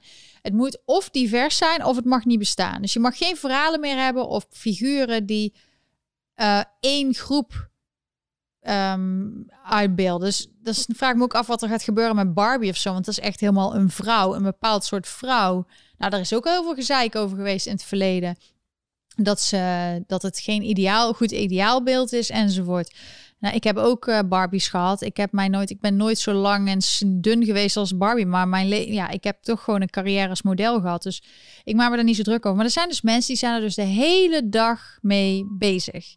Die zijn de hele dag bezig met wat kan ik cancelen, wat kan ik niet cancelen. Daarom, ik heb een lekkere trui die ik graag aan doe. En verschillende kleurtjes, ook als je erop drukt op de truien of op de, de t-shirts die je leuk vindt. Verschillende kleuren. Ik ben altijd benieuwd wat iedereen voor t-shirt en trui kiest. Want eh, sommigen hebben echt een fel groene of een rode. En ik wilde graag weten ook van jullie welk t-shirt. Oké, goed, laat maar zien. Welk t-shirt? Want ik heb een grijs t-shirt al besteld. Die heb ik dus al. Maar welk t-shirt, welke kleur zal ik nog voor mezelf bestellen, zodat ik die ook aan heb tijdens de chats. Dus we hebben paars, wit, zwart, grijs. Die heb ik dus. Deze heb ik. En voor de vrouwen, ik heb ze, ik had een medium besteld, maar ik ga nu de volgende keer een small bestellen. De medium is toch, die is gewoon ruim. Dus eh, die lichtgrijs vind ik ook heel mooi. Rood, groen en dan blauw. Ik zeg lichtblauw. Doe nog eens lichtblauw. Maar dan, ik heb al een lichtblauwe blauwe sweater. Maar ja, dat is weer wat anders. Is de overgang is ook niet zo schokkend. Nee, en wat is die roze? Laat die nog eens zien. En voor mannen, die hebben ook weer andere kleuren. Dus dat is... ehm, Ja, ik vind roze eigenlijk ook best wel leuk. Ik weet niet, ik ben toch een meisje? Ehm, ik ga helemaal tegen die hele cancel culture in. Ik ga me helemaal nou weer laten gewoon roze en meisje en al die dingen. Nou, de mannen hebben iets minder, want die willen wel rustigere kleuren. Maar die hebben wel wat andere kleuren. Zwart, blauw, rood. Dit is, wat is dit? Ik heb mijn, ja, rood, groen. Ja, dus eh, voor ieder wat wils. En ehm, groen, ja, iemand zei ook groen. Dus daar zat ik ook. Ik vind ook wit, maar wit, dan moet je dat, eh, dan wordt het snel weer vies. is wel heel mooi. Dus nou, we gaan het in ieder geval zien. En ik ben ook benieuwd. Stuur foto's als je er één besteld hebt. Ben benieuwd. Maar in ieder geval de cancel, cancel culture. In Nederland gebeurt het ook, hè. Zwarte Piet is gecanceld. Dat is cancel culture. In Nederland heb je ook de cancel cultuur. We moeten dat stoppen. Dus daarom cancel, cancel culture. Eh, en dat kun je op twee manieren doen. Of je zegt gewoon, wij doen er niet aan mee. Of je pakt ze terug met wat ze doen. Dus die Chrissy Teigen krijgt gewoon een koekje van eigen deeg. Is gewoon eigen schuld. Moet ze niet Ja, want ze is nou in ieder geval uit eh, target. Target gegooid. Ja. Dus ze maakt het gewoon mee wat ze andere mensen aandoet. Ja, je moet er gewoon niet doen. Ehm, wat me ook opvalt in Nederland. Laten we nu eens even het laatste stukjes over Nederland hebben. Ik zag de Michiel Vos. Nou, Biden had het niet zo goed. Eh, Het ging niet zo goed hè, deze week. Dus wat gebeurt er? Propaganda moet weer naar Nederland komen. Dus Michiel Vos, de schoonzoon van Nancy Pelosi, moest weer naar Nederland. Die zat weer bij Bo. En ging hij praten over... Ik heb het niet gezien. Ik zag alleen een aankondiging over het boek van Hunter Biden. Nou, ik kan je zeggen dat de Hunter Biden boek is hier eigenlijk geflopt. Volgens mij is het helemaal niet veel verkocht. Want wie wil er nou eigenlijk dat verhaal lezen van Hunter Biden? Dus, eh, maar in ieder geval, in Nederland werd het... Mensen die van Parmezaanse kaas houden. en het op een andere manier willen nuttigen. Ja, dus Michiel Vos was er ineens weer. Dus eh, ja. En het ging over Hunter Biden. Dat zag ik. En ik zag dat, ehm, dat er ook nog wat... eh, ja, er zijn heel veel goede initiatieven in Nederland. En dat, dat is dus iets wat in Amerika heel normaal is. Dat, dat mensen activistisch bezig zijn. Zelfs als het rustig is, hebben ze altijd bedoel het idee van ik moet iets blijven doen om te zorgen dat mijn buurt beter wordt of dat ik het bescherm. Ze zijn lid van de buurtvereniging, zijn lid van, uh, ze doen uh, campagne voeren voor um, partijen. Alles wordt hier gekozen. Dat is ook iets wat in Nederland eigenlijk zou moeten gebeuren. Dat de burgemeester gekozen wordt. Dat alle posities, belangrijke posities in de overheid, dat het gewoon gekozen, al is het ombudsman, al is het niet aangesteld, want dan is het gewoon een baantjescarousel, en gewoon een aanstelling. Maar hier wordt alles gekozen. Van zelfs sommige rechters tot de, de financiële controleur van de stad. Dat is een goede samenvatting van het boek van Hunter Biden. Wat? Een aanstelling. Dat het een aansteller is. Ja. Nee, het, hij, eh, ja, laat maar. Het, uh, je was alweer naar een ander onderwerp. Het gaat Maar- allemaal veel te snel voor mij. Ja, maar de, dus, dus, waar hadden we nou? Oh ja, activisten. Dus bijvoorbeeld, ik zie Moederhart, Viruswaarheid, Police for Freedom, echt supergoed. En ik ben helemaal voor dat mensen kunnen protesteren. Dus ook bijvoorbeeld, als je dan in het grote wereldplaatje kijkt, wat er gebeurt in Palestina en dan Israël. Of Palestina, ik weet niet, sommigen zeggen weer dat dat niet bestaat. En ik weet het niet. Maar in ieder geval tussen de Palestijnen en de Israëliërs, hier protesteren ze allebei. Ja, ze moeten niet met elkaar gaan vechten, maar het is wel goed dat je altijd gebruik maakt van je, van je demonstratierecht. En nu in Nederland proberen ze net als in Amerika dat ze zeggen, oh je heeft geen masker meer op. In Nederland, omdat Rutte het in zwaar weer verkeert, is er ineens helemaal geen druk meer van de politie. Er wordt van bovenaf niet meer gezegd dat je mensen aan elkaar moet slaan. Dus ineens is het veel rustiger bij protesten. Kunnen ze allemaal doorgaan. Dan moet je niet denken, oh, het is nu klaar. Nee, ze zijn al te ver gegaan doordat ze dus al een keer dat hebben, eh, de excessief politiegeweld. Nu is het gewoon tijd dat je altijd voor je rechten blijft opgaan. Je mensenrechten. Ja, maar je ziet gewoon in, zowel in Amerika en in Nederland is de gemene deler gewoon dat hoe meer politici onder druk staan, Ja, hoe minder zij de mensen onder druk zetten. ja, Als staan ze niet onder druk, hoe meer zij de mensen onder druk Ja. zetten. ja.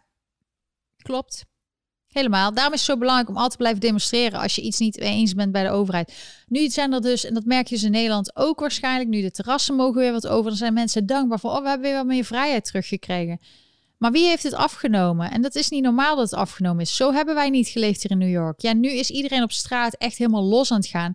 Je hoort mensen op straat echt praten van alle gesprekken gaan over corona en hoe weinig ze hebben kunnen daten. Dus je loopt dan door de, door, je zag die video's door die terrassen en dan, die, dan hoor je al die gesprekken. En hoor je een paar zinnen. En Vooral is- vrouwen zijn ontzettend seksueel gefrustreerd Ja, hier. echt. Je hoort de meest ranzige gesprekken. Ja, dat hoor jij dan weer. Ehm, maar ehm, corona, die, eh, ja, die heeft toch bepaalde dingen. En dan hebben ze nou, I'm full, I didn't want to see anybody until I was fully vaccinated. Want ze voelen zich heel erg wat meer en beter als ze gevaccineerd zijn. Terwijl het gewoon een persoonlijke keuze is. Betekent, ja, moet je zelf weten. Maar in ieder geval, alles wordt erop aangehangen. En ehm, ik zie dat Jelle weer een vraag heeft. Daar ga ik ook op antwoorden. Maar in ieder geval in New York. Ja, voelen ze zich gewoon heel goed als ze gevaccineerd zijn. Dan zijn ze beter dan anderen. En er is ook een discussie hier nu dat sommige mensen iets hebben van... ja, ik ben wel best wel bang. Ik moet me psychisch helemaal weer herprogrammeren. Want ik vond eerst mensen zonder masker die gewoon overal liepen... vond ik republikeinen en stomme mensen die grandma killen... die dus de oma vermoorden. Weet je al, jij, jij zorgt voor... Je bent eh, egoïstisch.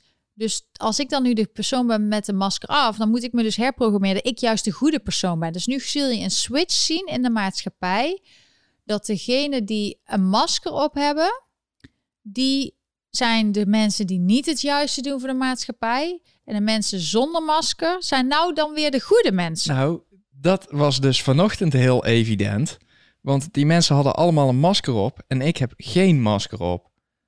En toen kwamen ze naar mij toe en ze zeiden, oh, oh, you don't, you're not wearing mask. Then I can take off my mask around you. Oké, Oh, dus ze dachten dat jij gevaccineerd was. Dus dan... dat denk ik. Ja, dat is nu dus... Er is een hele Maar ik hoef buiten geen masker op. Nee, überhaupt je geen niet. masker op als je... Dus en die, die veronderstelling, dan zie je hoe, hoe, hoe is een eigenlijk hoe dom mensen zijn. Nee, het is een psychologisch spel wat gespeeld wordt met mensen. Dit is, als we over zoveel jaren terugkijken, dan zal het in een geschiedenisboeken, als er überhaupt nog boeken zijn, of, eh, want alles is online, dus het kan zo gedelete worden. Maar daarom is het belangrijk dat iedereen boeken blijft schrijven. Maar dat dit een psychologisch spel is, wat het met mensen heeft gedaan. Dat je mensen helemaal kan brainwashen en anders kan laten denken door wat politici zeggen. Dus nu is het zo dat als jij een masker op hebt, dan doe je niet het goede, want je hebt nog niet gevaccineerd. En als je masker af hebt, dan ben je de goed, dan doe je het goed. Zo wordt het nu weer hergeprogrammeerd. Ja, maar dat is Heel echt, bijzonder. echt wel een geniale stap geweest hoor. Want nu kunnen hun het gewoon met een, met een sisser af laten lopen. Want eh, nou is het normale, moeten wij weer als normaal, als goed gaan zien. Terwijl eerst het normale was niet was, normaal. niet, Niet was goed. niet goed. Nee. En zo trekken ze het in één keer allemaal recht. Het is- best wel slim, slim bedacht van hun. Ja. Ja, dus eh, in Nederland zal het waarschijnlijk ook gaan gebeuren. Dat ze zeggen dat bepaalde mensen gevaccineerd zijn. Het maakt, ik snap niet dat ook dat die vaccinatiepaspoort, dat er dan verschil wordt gemaakt tussen gevaccineerden of niet. Ik snap als je bang bent voor een virus, dat je iedereen test. Want het maakt niet uit of je gevaccineerd bent of niet. Dat is wat de wetenschappers zeggen. Dat, dat je dan nog steeds dingen kan overgeven en zo aan elkaar. En dat je nog steeds ziek kan worden. Het is niet 100% eh, allemaal. Als ze dat allemaal zeggen, dan is het toch onlogisch dat, dat je vrijbriefje krijgt als je gevaccineerd bent. Nou, ik heb op dit moment maak ik me drukker over mensen. Ik, ik moest een paar keer naar het ziekenhuis en ik weet dat daar vrijwel iedereen gevaccineerd is. Ik maak me drukker over contact met eh, mensen die gevaccineerd zijn dan met mensen die niet gevaccineerd zijn. Want als mensen niet gevaccineerd zijn en ze zijn, ze hebben eh, corona of ze hebben griep of wat dan ook, dan zie je in ieder geval dat ze ziek zijn. Of ze zijn snotteren, traanogen, kuchen Ja. dan weet ik dat er iets is en dat ik wellicht even een beetje uit de buurt moet blijven. Wat ze dan ook hebben. Maar het is volgens mij nog niet helemaal duidelijk Wat of die mensen die, een, die geënt zijn, of die eh, de ziekte kunnen verspreiden. Want hoe heet die? Bill, Bill Maher? Bill Mayer? Ja, Bill? Maher, dat is Bill een tv-host. Oké, die, is, eh, die was dus geënt voor COVID. En die heeft daarna COVID gekregen. Eh, maar die had volgens mij geen symptomen. Dus dan is het risico op verspreiding is veel groter. Want kijk, kijk naar eh, eh, het debat in de Tweede ja, Kamer. dit is jouw... jouw Hoekstra en Baudet werden alle twee gevraagd... oh, hebben jullie, hebben jullie geen corona? Omdat ze alle twee een beetje schorre stem hadden... en een beetje snotterig waren. Dan, dat was dus een teken van... oh, even opletten. Maar de mensen die dus gevaccineerd zijn...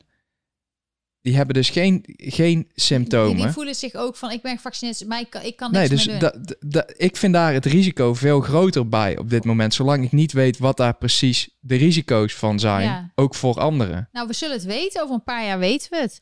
Ehm, ik zie ook in de chat mensen die hebben allemaal vragen. En dat zijn gewoon legitieme vragen, moet je gewoon blijven doen. Maar het, gewoon als je even nadenkt, als je dus de mensen die gevaccineerd zijn, dat die een bepaalde preferential treatment krijgen. Dat is natuurlijk heel raar. Want ja, als je het gewoon puur hebt over dat je het virus niet wilt verspreiden, dan moet je iedereen gelijkwaardig behandelen. Moet iedereen testen. Of iedereen niet testen of iedereen testen. Maar niet, je kan niet iemand omdat hij een bepaald ding heeft gehad. Dat is alleen maar dat je, het enige wat ik zat te denken is dat je dan weet als je naar een land reist of zo, dat die persoon, als hij dat virus krijgt, dat hij waarschijnlijk niet in het ziekenhuis belandt, waardoor de maatschappij minder kosten heeft. Dat zou dan de reden zijn waarom, maar niet. ehm, dat kan alleen maar, dan weet je over van, oh, de maatschappij heeft er minder druk om. Maar je weet niet of het virus of niet, wel of niet, dat weten we allemaal nog niet. Komt allemaal, is allemaal nog in eh, testen, wordt allemaal nog bekeken. Maar in ieder geval, wij weten verder ook te weinig van. Dit is gewoon onze eigen ervaring, hoe we naar kijken. En we houden het gewoon in de gaten. En we kennen heel veel mensen die gevaccineerd zijn, maar ook mensen die het gewoon niet willen. En ik heb zoiets, moet je zelf weten. Moet je zelf weten. Ehm, de helft van New York, zoals ik al zei, die heeft nog helemaal niks gedaan. Die gaan ook gewoon door. Denk je nou echt al die mensen die op straat liepen hier zonder masker, dat die allemaal... Nee, die hebben, er zijn gewoon mensen die hebben gewoon besloten, ik doe er niet meer aan mee. En in New York heb je geen politie die je dan allemaal in elkaar slaat als je te veel dicht op elkaar zit te picknicken of zo. Dat is in Nederland gewoon, sorry hoor, maar ik vind dat echt fascistisch gedrag. Dat je in elkaar wordt geslagen of dat je als je te dicht bij elkaar op een bankje zit. Doe even normaal. Nou, dat vond ik wel opmerkelijk. Nou, heel dat gedoe eh, in Israël weer aan de gang is. Dat, eh, dat, dat er weer heel veel video's van politiegeweld eh, naar voren kwamen in die regio. En het eerste waar ik echt aan moest denken, want er werd vanochtend zag ik een, een video waar een aantal vrouwen flink klappen kregen van de politie. Oh, wauw. En Ja. iedereen was verontwaardigd. Ik denk, jongens, dit is. Waarom wel als het daar gebeurt? En niet als het op het museumplein gebeurt. En, en het gebeurt bij mensen die, die ze als wappie bestempelen. Dan is het blijkbaar geaccepteerd al. Ja. Best wel fraai hoor. Ja, heel veel Nederlanders die hebben heel erg uitgesproken mening over andere landen. Zelfs Sigrid Kaag zag ik een tweet van, want ze heeft een discussie met Mark Rutte, want zij is natuurlijk weer pro de ene kant, eh, de- Rutte was de andere kant. En zij zei nee, we vinden alle eh, eh, schendingen van internationale mensenrechten of zoiets moeten we uitspreken. Nou, toen heb ik haar tweet geretweet en gezegd, laten we dan beginnen met alle rechten die in Nederland worden, alle mensenrechten die in Nederland worden geschonden van institutioneel racisme en eh, wetteloosheid van de Belastingdienst tot de. en wat de zei ze tegen jou. Lonneke? This is where I waste part. Ja, mm, ja. Ehm, hier scheiden onze wegen. Eh, en kom gezellig bij mij op schoot zitten. Dat was de andere, toch? Want ik volg alles wel hier hoor. Ik kijk wel gewoon de live debatten en zo kijk ik wel gewoon mee. Hè. Zij, zij, zij, ik weet niet wat zij, maar ze heeft niet zoveel met Nederland lijkt. Want ze weet ook niet meer wat, eh, wat, eh, wat de uitspraken zijn en zo. Maar in ieder geval, ze zitten allemaal bij het World Economic Forum. Nou, blijkbaar heeft ze nog genoeg met Nederland. Als ze, als ze al niet weet wat die uitspraken in het land van herkomst betekenen. Dan kun je beter gewoon Nederlands praten. Kun je beter gewoon je mond houden. Het maakt, toch, het maakt uiteindelijk blijkbaar toch geen reet uit. Als we hier kijken. Want het is allemaal één en dezelfde persoon. Ze zitten allemaal bij World Economic Forum. Ze zijn lekker allemaal aan het weffen. Lekker aan het weffen met elkaar. Ook nu, er komt gewoon een Rutte de 4. En de mensen die erbij zitten, bijvoorbeeld ook Ploemen van P van de A, leider. En eh, de jonge Hoekstra van CDA. Dat zijn allemaal weffers. Ze gaan lekker met elkaar weffen. Ook Femke Halsema zit erbij. Dus ik zou zeggen, ja, dat is het enige. Dat is gewoon, Nederland wordt gewoon geleid door het World Economic Forum. Er is geen andere... Maar dit vind ik het precies hetzelfde als wat eh, Wilders tegen eh, dubbele nationaliteit heeft. Hij zegt, als jij in, eh, in de regering zit voor Nederland, dan moet jij jouw andere paspoort opgeven. Ja, Of je bent daar van Nederland, of je moet moven. ja. Klaar. Zij Dit is eigenlijk precies hetzelfde. Ja. Voor wie zitten hun daar? Zitten hun daar voor Nederland? Of zitten hun daar om een of andere wereld. eh, wereldeconomie te promoten? Ja. Dat is precies hetzelfde. Is Dus, dus de hele paspoortdiscussie, daar heb je gewoon niks aan. Mensen moeten gewoon open kaart spelen. ja, maar het is allemaal open, hè? open bloot. En ze doen allemaal net of het niks uitmaakt. Maar het is wel toevallig dat alle mensen die dus dadelijk in de regering zitten... Iemand zei in de chat al van, eh, er komt geen nieuwe regering. Want ze zijn, zoals Rutte al zei, ze hebben nu meer power. Maar het is wel apart, al die mensen die allemaal opheffen... problemen veroorzaken in Nederland... die niet doen wat, eigenlijk, wat voor Nederland goed is... Die zijn allemaal bij het WEF. Ook Femke Halsema. Dit is dan de grote baas, Klaus Schwab. Nou, die, die praat ook op een bepaalde manier. Die heeft ook allemaal het over de Great Reset en zo. Is allemaal te vinden. Je kan het allemaal online vinden. Maar schijnbaar vinden Nederlanders dat gewoon normaal. Of ze geloven het niet. En ja, totdat het te laat is. Dat is gewoon heel jammer. Maar iemand had een vraag over Caroline van der Plas. En zij is journalist geweest van eh, Landbouw Magazine. En ze is helemaal voor de boeren. De Boerenburgerpartij, geloof ik. En eh, ja, ik vind dat ze goede vragen stelt. Ook met de nette toon. En eh, is echt een aanwinst voor, het, voor de Tweede Kamer. Het mooiste is altijd als ze een motie indient. De Kamer dient te beraadslagen, bla bla bla. Krijg je heel de motie. Ja, En dan, wij gaan weer verder met het verspreiden van gezond verstand. Zo eindigt ze elke keer een Ja? motie. Ja. oké. Maar ze maakt ook alles. Ze schaamt zich niet om vragen te stellen die eh, over dingen die ze wellicht nog niet begrijpt. Eh, wellicht dat daar ook dingen naar voren komen die gewoon niet meer logisch zijn, zoals ze binnen de kamer gaan. Want je krijgt regelmatig, ja, maar mevrouw, u snapt het niet, u snapt het niet. Oké, prima. Eh, maar ze, ze legt het wel in normale, begrijpelijke taal uit. En ik vind elke keer eigenlijk als ze tegen haar zeggen: U snapt het niet, u snapt het niet. Hetzelfde als wat een belastingdienst doet. U snapt het niet. Dan is er niet iets mis met de desbetreffende persoon. Dan is er iets mis met eh, de, de, de wetten en regelgeving. Ja. Want dan is het dus blijkbaar niet meteen begrijpbaar. En als iemand die daar middenin zit het niet begrijpt, dan is het heel moeilijk om voor een buitenstaander om het te begrijpen. Dus ik vind dat zij het echt heel goed doet. Ja, maar ook moet ik eerlijk zeggen, ehm eer wie eer toekomt. ehm, hoe heet ze? Sylvana Simons heeft ook goede vragen gesteld, goede momenten, dingen gezegd. Moet je ook gewoon zeggen. Ook als ze iets stom doen. Ik zeg er ook over denk. Ik zeg er over alle partijen. Zeker ook over de VVD. Zeker over alle partijen. Ja, op dit moment doen die allemaal dingen die niet goed zijn voor Nederland. Maar in ieder geval, ik probeer altijd gewoon rechtlijnig. Ik zit niet vast aan één partij. Ik zeg gewoon wat ik ervan vind. Nou, dus zij is toegevoegde waarde. Ik hoop dat ze op dit moment staan volgens mij op twee zetels in de peilingen. Nou geloof ik die peilingen niet zo vaak, maar dat geloof ik wel. Ja, en Sylvana die stelt ook heel goede vragen waar Rutte ook helemaal kriebelig van wordt. Ehm, Wordt continu ook aangevallen door Rutte. Ja, nou, ik voor ben- niks. Want ja, ook heel raar allemaal. Rutte die kan gewoon, die, eh, die houdt niet van tegenspraak. Dus, eh, maar Mark Rutte heeft ook volgens mij de koning en zo, ze allemaal vrienden. En eh, die zit koning, volgens mij, eh, Maximus zit ook bij het WEF. Dus ik zeg altijd, ze zijn lekker met elkaar in het weffen. Nou, en dan komen er mensen zoals Sylvana en de Boer-Burgerpartij. Mensen zeggen wel eens maar één zetel. Maar als zij de hele tijd vragen kunnen stellen en ze krijgen spreektijd... En dat zien mensen in debatten en uiteindelijk in de nieuwsberichten komen hun stellingen naar voren of ze gaan ook op de camera.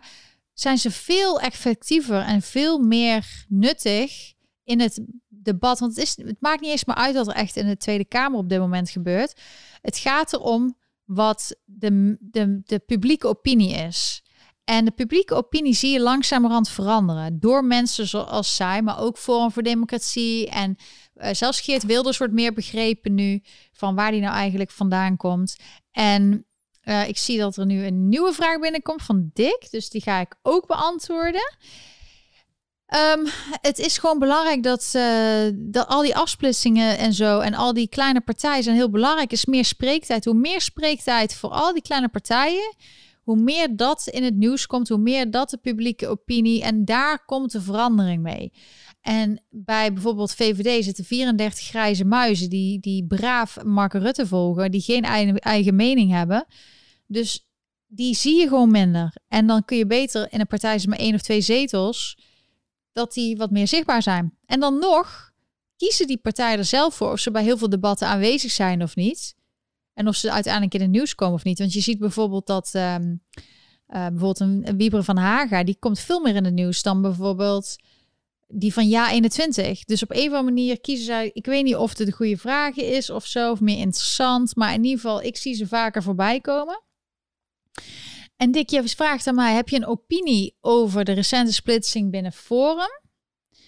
Ehm, ik had het niet verwacht. En dat is wel, in Amerika hebben partijen wat meer loyaliteit naar elkaar.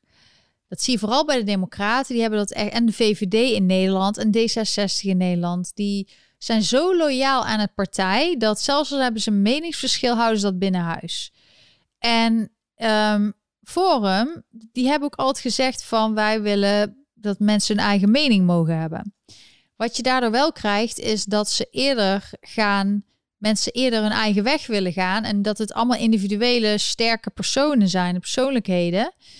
En ehm, volgens mij ging het over die poster van Forum en daar waren ze het niet mee eens. En volgens mij is de jonge garde is bij Forum gebleven. En Wieber van Haga en andere twee, die zijn dan eh, apart gegaan. Dat betekent dat ze dubbel de spreektijd dus krijgen in de Kamer. Dus dat is goed. En uiteindelijk gaat het dus om... Kijk, je wil natuurlijk aan de mensen ook heel veel keus geven. Sommige mensen vinden Forum extremistisch, terwijl ik dat helemaal niet vind. Maar ik vind het gewoon gezond verstand. Maar andere partijen, ehm, en Ge- Geert Wilders vinden ze ook misschien... Maar nu komen er dus wat meer partijen die...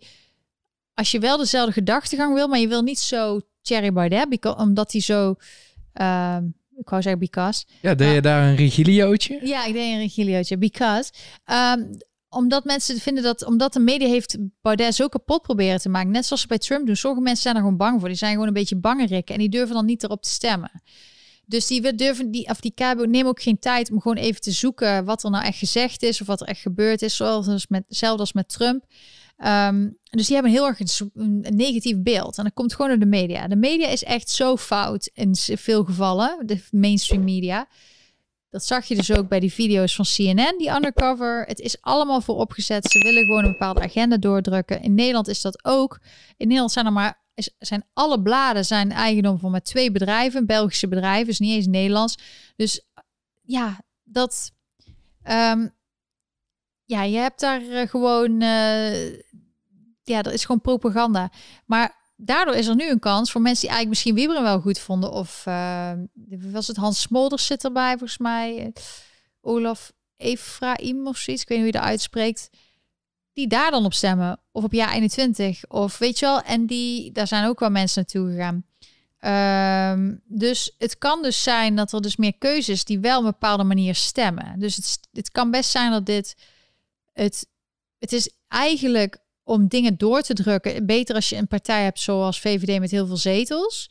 Maar maar daar heb ik al een keer eerder gezegd. Ja. Dat toen wij in de Kamer waren, dat die. Hoe, hoe heette die man die ons toen uh, uitleg gaf? Dat wat, weet ik niet. Wat was zijn functie? Die daar gewoon werkt. Die daar werkt. Die liet ons binnen en die legde ons wat dingen uit. En nogmaals, die zei dat uh, de grote partijen niet meer bezig waren met politiek bedrijven, maar vooral bezig zijn met de neuzen binnen de partij één kant ophouden.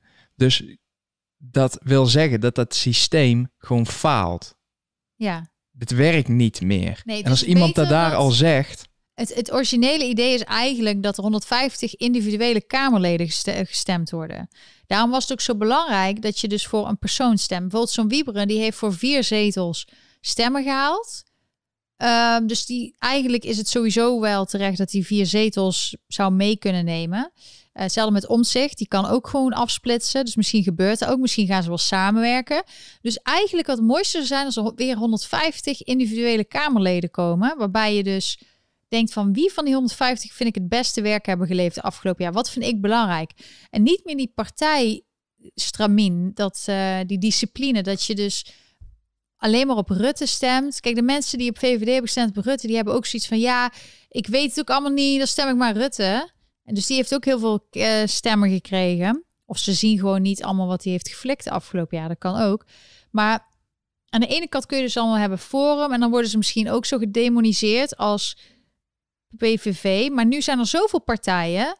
Waar moet de media zich op focussen? Want als er vijf partijen zijn, je kan niet alle partijen zo gaan demoniseren. Dan moeten ze gaan focussen. En dus het wordt moeilijker om dat hele demoniseren te doen. Dus ik ga gewoon zien. Ik had het op een tweet ook geretweet van. Ja, wat gaan we doen? Maar het volgende inderdaad wat Dirk nu laat zien, is er nog toekomst voor Pieter om zich bij het CDA? Nou, dat dacht ik al jarenlang uh, niet. Want het moment of een jaar geleden toen er gestemd werd voor de lijsttrekker of de fractievoorzitter of wat het ook was. Ja, Pieter is gewoon. Ik denk dat de meeste stemmers echt Pieter vinden ze gewoon geweldig vinden ze, en ik ben niet eens met alles waar hij voor staat als het gaat om het virus en zo. Maar ik vind wel dat hij goed werk heeft geleverd over de, over de dingen waar hij het over, waar hij voor ingezet heeft. Tot de reden dat hij nou thuis zit, is gewoon dat hij zo er emotioneel betrokken was bij het leed van die ouders. Dus je hoort dat kinderen uit huis worden gezet, onterecht. Dat ouders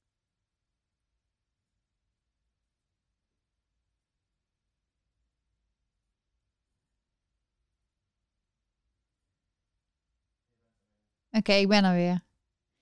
Sorry, ging even iets mis. Dirk weet ook niet waar het aan ligt. Maar in ieder geval. Je moet je Streamlabs OBS niet. Uh, het venster niet herschalen. Als je eh, aan het streamen bent. Want daar is het niet van gediend. Is minder scherp of ligt het aan mij? Dat moet even opbouwen. Moeten we een buffer opbouwen. Oké.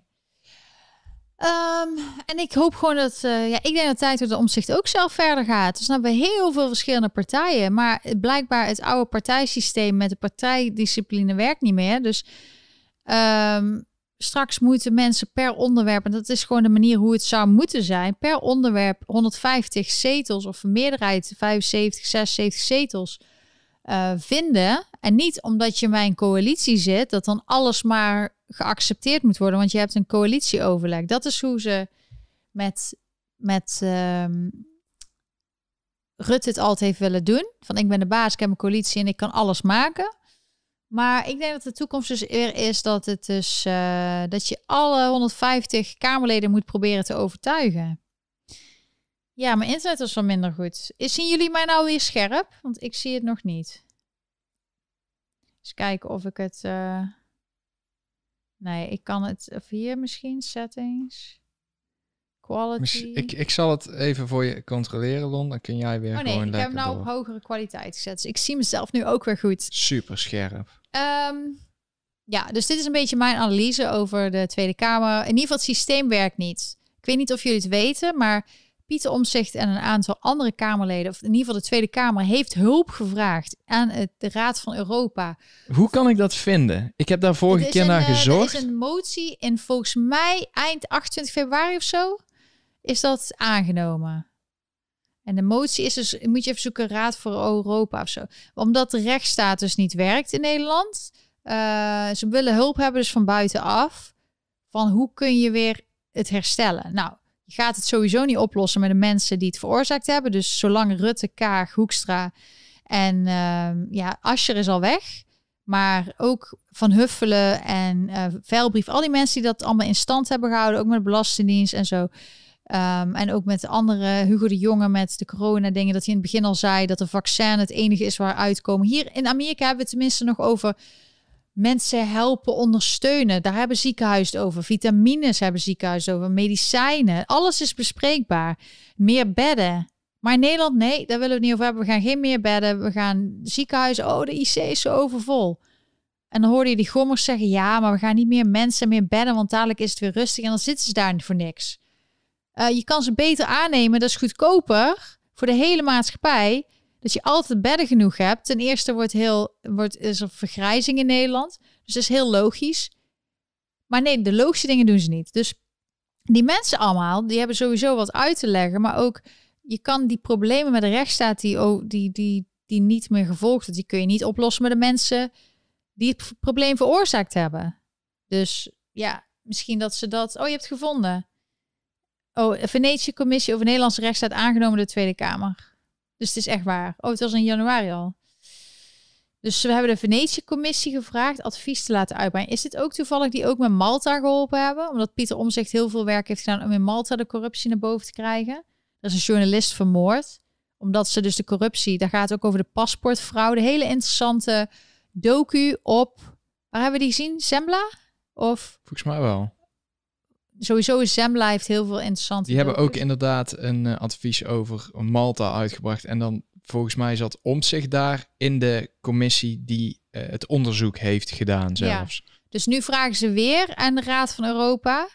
Dus er zijn waarschijnlijk lidstaten van andere landen om advies uit te brengen om Nederland te helpen. Dus het Nou, is, hij heeft gewoon gezegd dat de staat in Nederland in dezelfde toestand verkeert als eh, Malta destijds.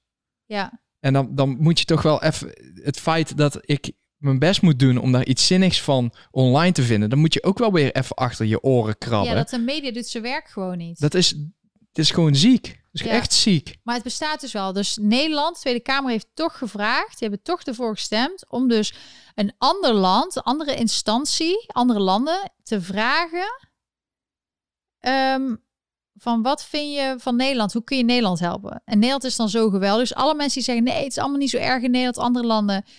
Sorry, zelfs de Tweede Kamer maakt zich zorgen. Zelfs de Tweede Kamer heeft door dat het zo niet verder kan. Dit alleen maar kwaad, van kwaad tot erg gaat. Dus al het mooie wat Nederland had. Want vroeger bijvoorbeeld was de Belastingdienst was echt betrouwbaar en een echt een goede instantie was je trots om er te werken. Nou, nu is het gewoon een maffia-instituut geworden waar iedereen een handje bij elkaar boven het hoofd houdt om maar niet te zorgen dat de ene, want als de ene valt en de ene wordt aangepakt, dan valt de ander ook, want die heeft ook iets gedaan wat niet met volgens de wet kan. En dat is ook in het politiek zo. Ze beschermen elkaar. En Dirk, jij had, we hadden ook een eh, heel interessante video van Ongehoord Nederland gezien met We hadden Ahmed- dit eerst zelfs als tip gekregen in de vorige chat. Ja, ja, maar ik had toen die docu al gezien met eh, Jan Roos en Ahmed Arad of zoiets. En die hebben dus samen rewrite.it.nieuws gemaakt om dus te laten zien hoe nieuwsartikelen worden herschreven. En ehm, daar zie je dus politieke beweegredenen in. Dat er dus eigenlijk van bovenaf moet worden gezegd om bepaalde berichtgeving aan te passen, zodat het positief is voor de politieke partijen en de, het kabinet. Degene die in, eh, in de regering zitten op dat moment. En je kan dus op die website een artikel vinden. Ze zijn er steeds met uitbreiden. En dan zie je dus precies staan welke woorden weggehaald zijn. En je ziet dus dat het bijvoorbeeld dan altijd positief is, schijnbaar volgens hun, van wat de analyses voor tot nu toe voor de overheid. En dan alles wat negatief is, wordt dan weggehaald. Of wat dan niet eh, positief is voor een product waar ze dan geld in hebben geïnvesteerd. Dus daaraan kun je precies zien wat de media doet. Ze hebben daar dus een tool voor uitgebracht. En ik denk dat uh, er meer, meer zal meer artikelen en meer websites en internationaal. Ze willen ook internationaal. Dus, dus hier hebben ze weggehaald uh, hoe effectief het vaccin al dan niet is, omdat dat waarschijnlijk mensen afschrikt. Omdat het te laag is of zo? Ja, de effectiviteit van het Janssen-vaccin is 66%. Als je daar leest, dan word je niet heel vrolijk van. Dan heb je niet zoiets van, nou... Dan ga ik eventjes kijken ja, de risico dus, op auto-immuunziekte of zo. Ja, dus uh...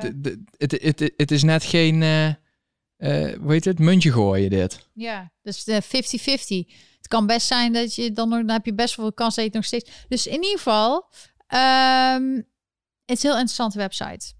Dus dat wou ik jullie ook nog eventjes meegeven.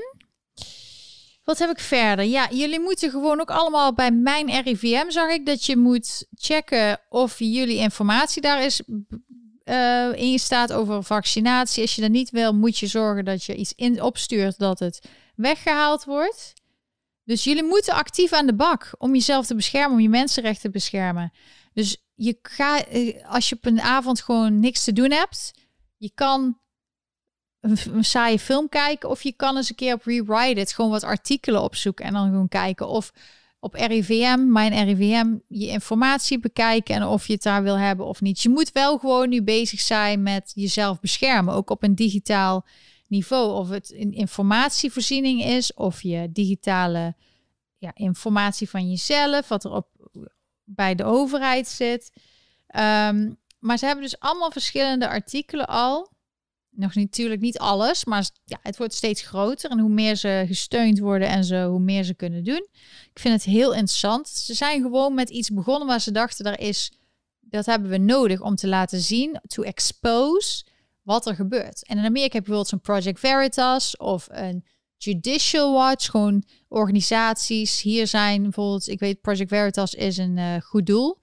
Dus dan is je geld, als je daar doneert, dan wordt dat, kun je er van de belasting afhalen. Ik weet niet hoe het in Nederland allemaal precies zit. Maar eigenlijk zou dat heel belangrijk zijn voor mensen. Mensen informeren en dat je gewoon onderzoek doet en laat zien zelf van wat er gebeurt. En iedereen kan het doen. Je hoeft niet per se een video. Uh, maar je kan bijvoorbeeld ook onderzoek doen en dat je bijvoorbeeld twee video's vindt. Dat bijvoorbeeld Hugo de Jonge de ene keer dit zegt, de andere keer dat. En dat kun je delen op social media. En iedereen kan op social media zijn. Dus je, jullie kunnen allemaal dat soort activismes doen. Dat je gewoon. Hugo de Jong moet straks gewoon in een snackbar gaan werken. Gewoon frikandellen verkopen. Geen idee wat erin zit. Maar het is wel lekker. Ja, en dan Project Veritas, die zijn nu mensen aan het aanklagen. Die hebben nu een uh, eh, PV legal dat je dus, als jij dus die fame bent, dus je bent onterecht kapot gemaakt door de media of zo, dan gaan ze die aanpakken. En hun hebben zelf al eh, CNN en Twitter, want hij is dus zelf van Twitter afgegooid, die James O'Keefe, de founder van Project Veritas. Gewoon voor gewoon een reden, maar hij zegt er is helemaal niet net of ik fake accounts zou doen. Dat was de reden dat hij eraf werd gegooid. Maar hij heeft nu besloten, ik ga gewoon een fund doen. Ik ga gewoon mensen aanklagen dat ze dit niet meer kunnen doen. Wat kijk je? Hij, hij is van Twitter afgegooid omdat hij fake accounts ja, zou maken. Ja, dat werd gezegd als reden. En hij zegt, ja, sorry. Maar, het is toch al eh, was meteen heel duidelijk dat heel veel bedrijven fake accounts gebruiken, dat politici fake accounts gebruiken, is ja, allemaal hij bewezen. Zegt dus dat dat niet waar is, maar hij. Nee, maar dan, dan snap ik niet waarom hij er wel afgegooid wordt, want ik, Omdat ik, moet ik weet dus niet wat het hele. Uh, vorige week was er een van schandaal met een bedrijf. Ja. Die allemaal fake accounts had gebruikt om er iets door te drukken. Nee, maar dat is het niet. Hij zegt uh, gewoon... Amazon. Ja. Bijvoorbeeld, met de Union. Ze hebben bij Twitter, dat is gewoon een politiek activistisch bedrijf. Die als jij bepaalde dingen zegt, ook met YouTube, Big Ja, maar het punt wat ik wil maken is dat als ze hem doet. om die reden eraf gooien, dan had Amazon nu niet meer op Twitter mogen Ja. zitten. Maar ze doen dus alleen maar, daarom wil ik dus vertellen, politiek activistisch zijn ze bezig. Als het een mening is, ze willen gewoon, ze vinden een persoon gewoon niet leuk of wat ze uitstralen of wat ze doen. Want dit is gebeurde meteen nadat ze CNN hadden exposed met undercover video's, met wat voor nepnieuws ze brengen. En dat de toekomst is dus dat ze nepnieuws over climate change gaan vertellen. Dat weet je dus in ieder geval al. En meteen daarna zei ze, ja, je bent voor altijd gesuspend. Maar andere mensen die bijvoorbeeld echt voor geweld vragen, en dat zijn soms leiders van eh, landen in ehm, Azië of het Midden-Oosten of zo, die, die mogen er wel nog steeds op zijn. En het is heel erg die double standard. Dat het niet gelijkwaardig en het zijn vooral de conservatieven, dus de mensen met een tegenovergestelde politieke eh, opinie. Want bijna al die techbedrijven zijn heel links. Die zitten allemaal bij elkaar bij Silicon Valley. Dat is bij Palo Alto in, bij San Francisco in de buurt. Die zitten allemaal bij elkaar. En die willen allemaal dat de democraten de leiding hebben en zo. Maar laatst had, had Project Veritas ook een video ehm, van eh, Mark Zuckerberg van Facebook... die dus gewoon tijdens een meeting... gewoon iemand van het bedrijf had dat eh, opgenomen en gestuurd. En Project Veritas gewoon een insider bij Facebook. En hij vertelde iets over zijn mening over vaccinaties. Terwijl de officiële Facebook eh, guidelines zijn dat je dat soort dingen niet mag zeggen over vaccinaties. Dus zelf, dus die James O'Keefe zei ook van ja, als ik er nou zelf erop zet, hetzelfde als wat Mark Zuckerberg zegt, dan ben ik benieuwd of ik er dan afgehaald word. Terwijl hij zelf dat dus zelf intern zegt. Maar zo, dat soort expose, er zouden wat meer ook klokkenluiders in Nederland moeten zijn.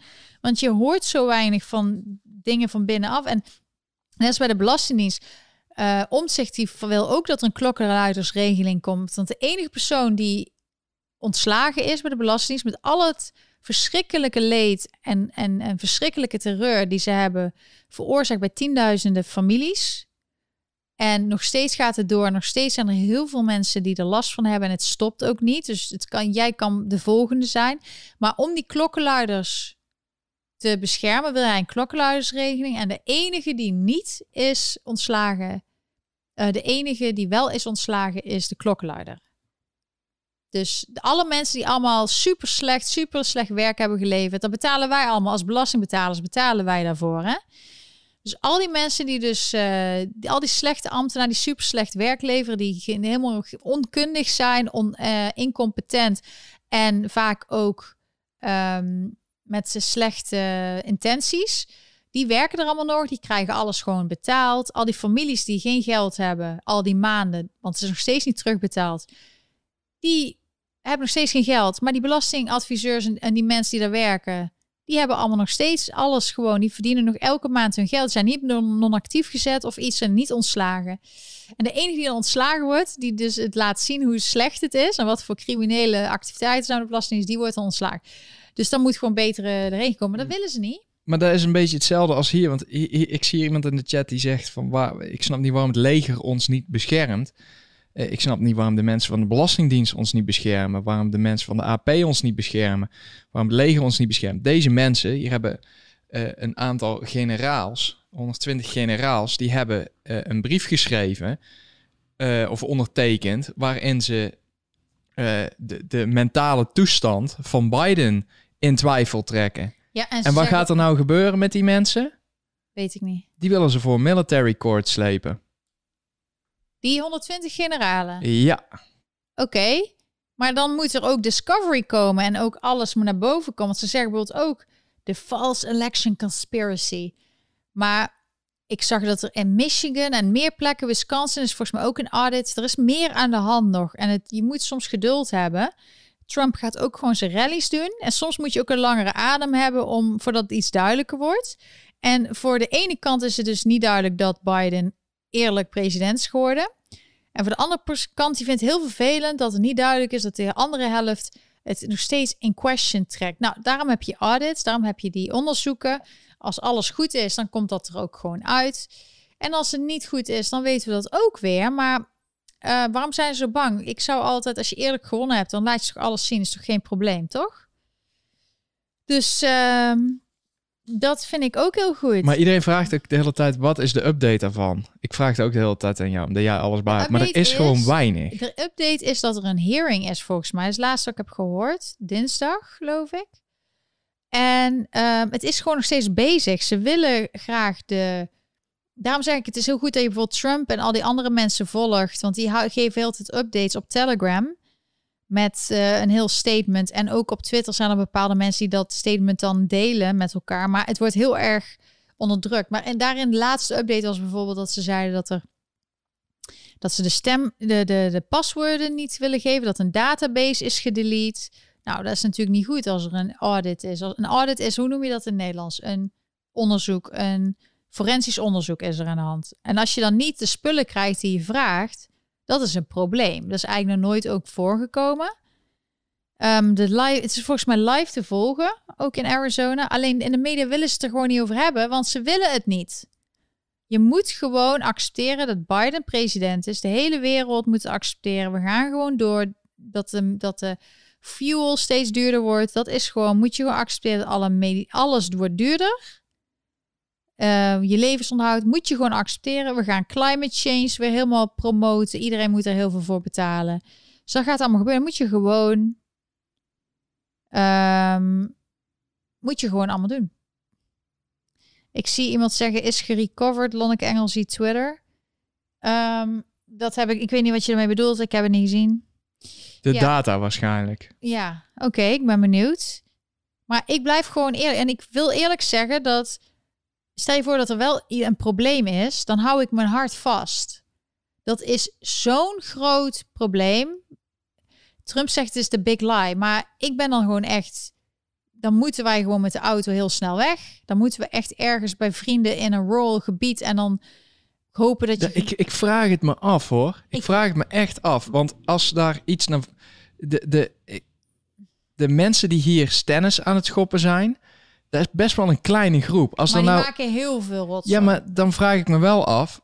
ehm, want ze proberen hier een beetje een rassenscheiding te veroorzaken. Maar Die kleine groep. ja, alleen ehm, de, de grote gemene deler, die is het gewoon nog steeds met elkaar eens. En als, daar, als hun daar echt aan kunnen tonen dat er iets misgegaan is, dan, dan staan die ook wel op hoor. Ik ben, ik ben, ja, in ieder geval, het is geen mooie situatie. Sommige mensen zeggen, dadelijk is alles duidelijk met die audit. En kunnen we gewoon eindelijk verder met ons leven. En dan over vier jaar gaat Trump verder. Iemand vraagt wat wij met stennenschoppen bedoelen. En dat is dat wij hier binnen in huis zitten. En dat we alle ramen en deuren hebben moeten barricaderen. Omdat we bang waren dat mensen eh, naar binnen zouden komen en de boel in de fik zouden steken. Want hier zijn alle winkels naar de kloten geslagen. Ja. En eh, op een gegeven moment zijn er zelfs twee gebouwen in de fik gestoken. Een paar blokken hier vandaan. ja, en daar hebben we ook foto's van en video's. Hebben we ook met de politie overhandigd. Want wij waren een van de weinigen die hier nog waren. Heel veel mensen waren natuurlijk weg.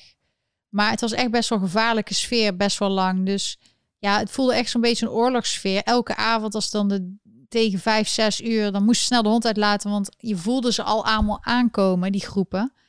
En dan gingen ze weer. En de politie was er niet. Het had allemaal afgesloten kunnen zijn, maar de Blasio wilde dat niet doen. Ja, het was echt een enge situatie. Maar daarom zeg ik, ze doen ook bijvoorbeeld wegen afsluiten en dan soms mensen uit de auto trekken en in elkaar slaan. Die mensen helemaal gek. Dirk laat even het boek zien. Ja, Dirk heeft er een boek van gemaakt. Mensen die dat willen bestellen, dat kan ook via Blurb. is ook een linkje onder de video. Het is ook een manier om ons te steunen. Maar eh, het is gewoon naslagwerk een beetje van wat er toen gebeurde. En er werden allemaal eh vuilnisbakken in de fik gestopt en alles op straat. En de politie die deed wel als kat en muisspel achter elkaar, die achter die mensen aanrijden. Maar het was allemaal georganiseerd. Dat was het enge eigenlijk, dat de politie werd gezegd, je mag niks doen. En die waren er wel, maar te weinig man, werd niks afgesloten. En dat je gewoon mensen, echt jongeren in zwarte kleding op verschillende hoeken zag staan, die dan met elkaar aan het praten waren. En dan dat ze ook met elkaar in contact stonden en dat het gewoon allemaal georchestreerd was. Ehm, ja, en daar zit je dan tussen. Echt. En dan op Twitter zie je allemaal mensen, let's take over their buildings, let's take over them. En dan lees je dat op Twitter en denk je, en toen hebben we tegen Dirk en ik hebben gezegd, ja sorry, wij gaan het echt barricaderen. Met de buren ook geholpen en afspraak van, ja als het nou misgaat, kunnen we via het dak bij jullie en zo. Ja, Antifa. Denk ook dat het uh, daar, het leek op Antifa. Zo'n, ik kan niet zeggen 100% dat het Antifa was, maar ze waren allemaal in zwarte kleren, waren jongeren. Vaak ook blanke jongeren, helemaal zwart allemaal, stonden op hoeken, hadden dingen op straat neergelegd. Ik denk dat het georchestreerd was door Antifa. En dat het uh, uitgevoerd is, de mensen die hier alles leeg aan het halen waren. Daar, daar zaten, zat van alles bij van gewoon jongeren tot echt beroepscriminelen. Gewoon zware beroepscriminelen. Ja. En al dagen aan een stuk. En dan de volgende dag kwamen sommige winkels, die gingen weer alles bevoorraden. Dat doe je toch niet? Midden in rellen. Nou, de volgende dag werd alles weer leeggehaald. Dus sommige mensen die bij de supermarkt werken die zeiden ook van ja, dat is gewoon, gewoon allemaal in scène gezet. Die proberen, die, die winkels, die willen gewoon van hun voorraad af of zo. Ja. En, um, maar in ieder geval, er komt, ik, ik geloof gewoon dat de waarheid altijd naar buiten komt. Als jij niet op een eerlijke manier handel drijft of zaken doet of uh, een land leidt, maar met een doel die niet het beste is voor de mensen, dan komt dat altijd uit. Je ziet ook in Amerika dat bijvoorbeeld met uh, verkiezingen, de toekomstige verkiezingen zullen bij sommige plekken waar problemen waren veiliger zijn, zoals in Georgia. En dan zeggen ze wel dat was heel racistisch, maar als je gewoon kijkt naar de feiten, wat heeft dat met racisme te maken? Iedereen, of je denkt gewoon dat bepaalde mensen met een bepaalde kleur niet eens gewoon een identificatiekaart kunnen halen. Nou, dat denk je wel heel laag van bepaalde mensen. Dat is natuurlijk niet zo. Die kunnen net zo goed alles, zo goed als iedereen. Uh, maar ja, het is gewoon die gedachte dat ze denken dat die mensen hulp moeten hebben. Dat ze niet voor zichzelf kunnen denken. Dat ze geen computer aan kunnen Ook Biden doet hier aan mee trouwens is gewoon een hele rare situatie. Dus uh, ja, als dat jullie vragen waren vandaag. Ik zou zeggen, blijf gebruik maken van je demonstratierecht ook in Nederland. Blijf netjes, blijf respectvol. Um, film alles. Maar ga naar bijeenkomsten als je erachter staat. En zorg dat je heel veel onderzoek doet. Dat is heel belangrijk. En als je toch een keer iets niet wil um, doen, kun je ook wel eens gewoon een keer iets van Netflix of Videoland of zo kijken. Ferry. Ja, we hebben gisteren Ferry gekeken.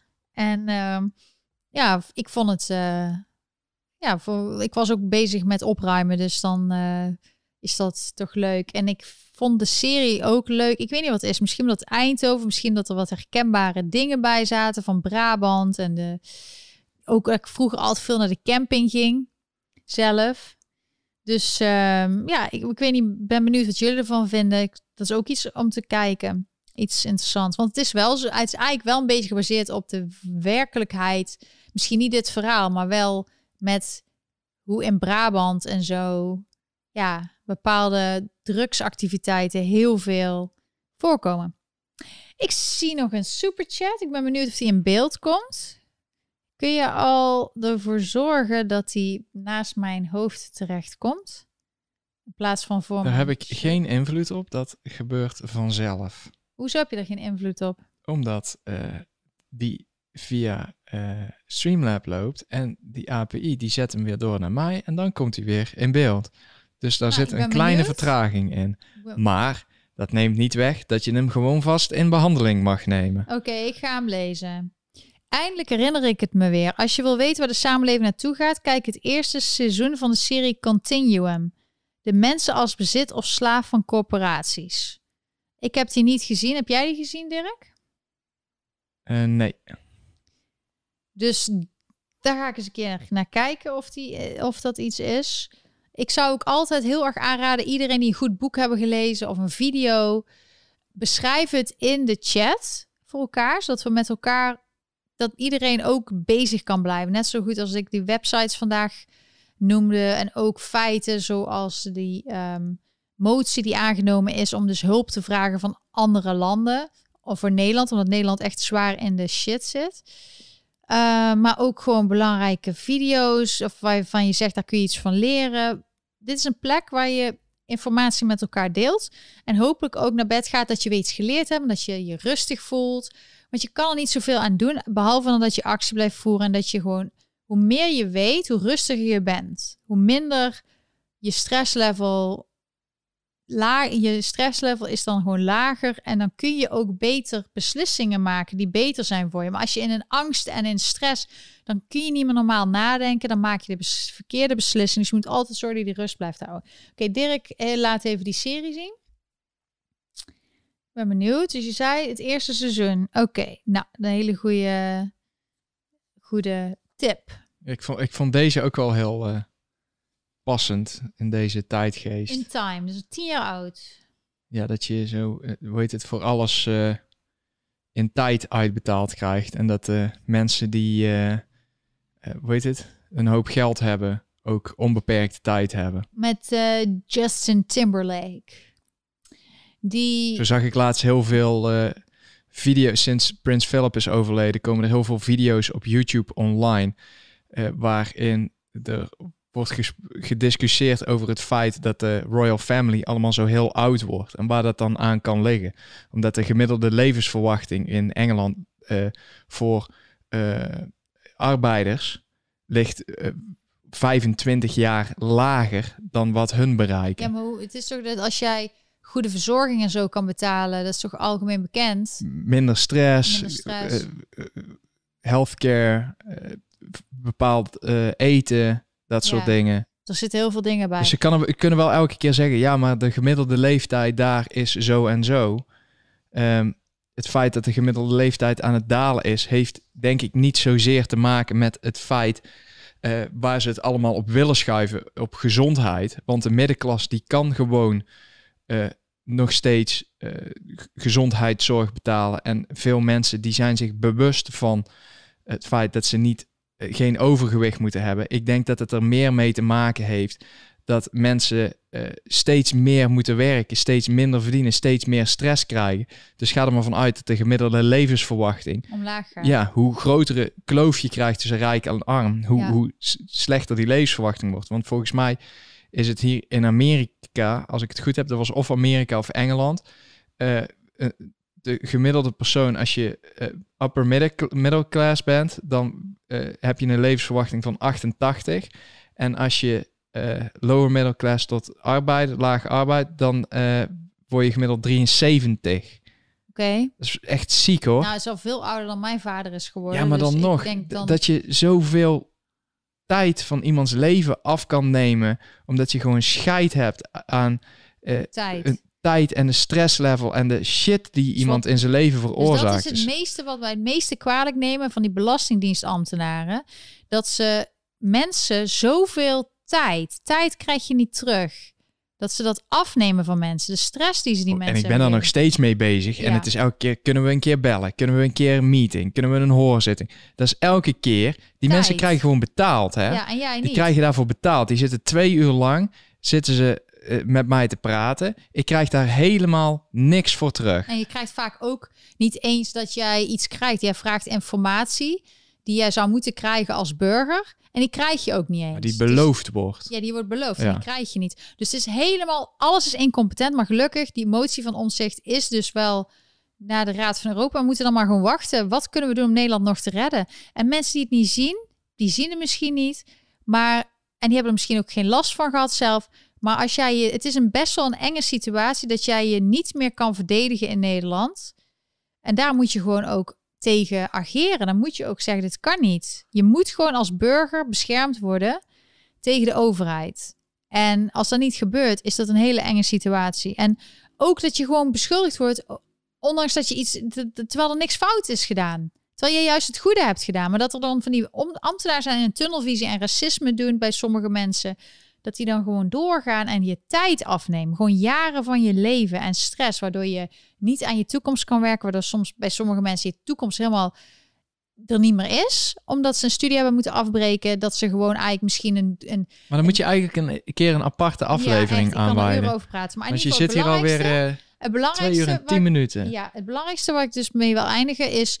Tijd is het belangrijkste. Dus zorg dat je je tijd goed besteedt. Ben altijd bewust van Waarom ben ik nou zo hard aan het werken? Wat wil ik nou van dat geld kopen? Wat wil ik nou betalen? Als het misschien is dat je eigenlijk is om dat je eigenlijk in een te duur huis woont of een te dure auto, misschien denk eens na over hoe kan ik ervoor zorgen dat ik minder schuld heb? Hoe kan ik zorgen dat ik ehm, en ik weet dat het moeilijk is, want alles wordt steeds duurder. Maar je kan wel, je moet actief heel tijd met je financiën bezig zijn. Want hoe minder kosten je hebt, hoe minder hard je hoeft te werken, hoe meer meer tijd je hebt en minder stress je hebt. Dus er is iets waar je elke dag tot het einde van je leven moet je daarmee bezig zijn. En natuurlijk ook zorgen dat je regelmatig jezelf je gezondheid in de gaten houdt. Het is, mensen zijn aan het leven, maar ze zijn niet bewust aan het leven. En je moet elke dag van ochtends vroeg tot s avonds laat. Hoe slaap ik? Ligt mijn kussen goed?